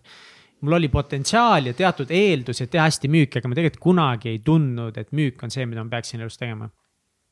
no lõpuks on võib-olla kõik asjad mingil määral müümine, aga no tõenäoliselt seda nagu küll, tänases no töös, mida sa teed. B2B äh, lihtsalt müük. kus meie jälgijad saavad sinu tegemistel kõige paremini silma peal hoida? Äh, Instagrami ma panen vähe mm,. Facebookis ma kirjutan kõige rohkem, seal võib jälgida, seal ma ikkagi aeg-ajalt midagi postitan. sa Äh. postitad väga vaimukaid äh, päevakajalisi selliseid väikeseid säutse. Sa nagu säutsud Facebookis, kus sa Äh. paned puid alla, kas natukese poliitikutele või Oo. mingi olukorrast riigis või mingisugustele huvitavatele uudistele. ma alati äh, kuidagi, mul jääb lihtsalt silma, kui sa aeg-ajalt jälle Facebookis postitad midagi naljakat. ja seal all tekib mingi kommentaarium või sa küsid mingeid totraid küsimusi, see on super, mulle väga meeldib. jah, et see on ilmselt kõige levinum, aga nüüd, nüüd ma tegin ka asja, mis on äh, So 90s et ma tegin omale blogi martisoosaar.com, et äh, ma ei tea, palju ma sinna postitada jõuan, aga Kas midagi, midagi olen sinna kirjutanud, et äh, äh, hakkasin vaatama, et erinevaid blogisid, mis, mis mul kuskile kirjutatud oli, erinevaid tekste, et neid juba hakkas tekkima päris palju ja, ja siis otsustasin, et nüüd on, nüüd on see aeg see üheksakümnendate tööriist tagasi tuua või see kahe tuhande vähemalt see algus. on punkt komiga olemas, et selles ja, ja selle punkt kom'i sain, et ei, ei guugeldanud nii kaua, et keegi oleks eest ära võtnud. ja kohe sinna 5am väljakutse liitus sina. ostke kõik domeenid, by the way, ostke kõik oma perekonnanimega domeenid ära, mina olen ostke ostnud. mihkelvetemaa.com ära. ostetud ei saa, ma olen- ma oman Vetemaad, Ma just Mihkel lootsin, et- Vetemaad, Vetemaa Mihklid, kõik on olemas. et teil on äh, variant äh, Mihklile seitsmekümnega maha müüa. ei saa, mul on võetud, venna oli jumala pahane, et Vetemaa sain enne teda kätte. mul sama Indrikusega, Indrik võttis ära lihtsalt Mm, nii et, indrikus.com'i nagu nii, et äh, pole, pole hullu.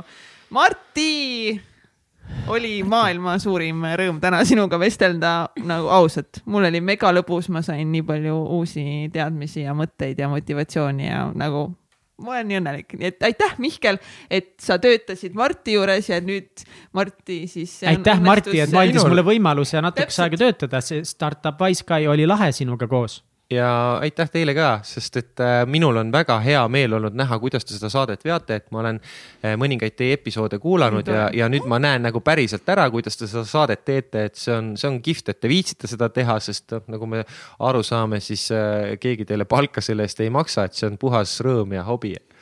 Lahe väga ja lahe. siinkohal Siinkohal-, kallid kuulajad, kui te tahate mind toetada, kui te tahate palka maksta mulle literally, lit- nagu sõna otseses mõttes, makske please et palka Mihkel mulle. saaks oma koerale rohud osta. et ta saaks Helmesist ära tulla. ei, et ma saaks Hessi minna, et ma saaks, okei okay,, no ma ei lähe Hessi, mulle ei meeldi üldse Hess, ma lähen enne Maci. aga et ma saaks lihtsalt mingi uue iPhone'i endale osta mingi hetk. no tegelikult kõigepealt stuudios, kui stuudio valmis saab, siis me ostame iPhone'id, me ostame autod, jahi. jahi. Putini loss on, ei pidanud olema tema oma.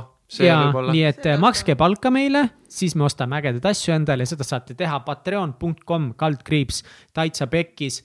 megalt toetage meid, sest siis on super noh. ja kui sa ei toeta meid, siis see on ka fine, mis seal ikka. Siis kuula, siis kuula vähemalt. siis kuula vähemalt. siis kuula, täpselt, ülilahe, aitäh, Martti ja tšau. tšau. aitäh, et kuulasid saadet Täitsa Pekkis. Saade tõid teieni Katrin Hindrikus-Karu, ja Mihkel Vetemaa. tehniline juht Egert Karu. supernatas by Priin Tallo. ÜRO Supreme Manager Kelly Treu ja NASA juhtivanalüütik Kaari Aupaju. kui see saade läks sulle korda ja inspireeris sind, siis toeta meid Patreonis, patreon.com kaldkriips täitsa pekkis. tee ära. saadet toetavad United Dream Studios, Tint Disain, Million Mindset kirjastus ja Blender. järgmise korrani.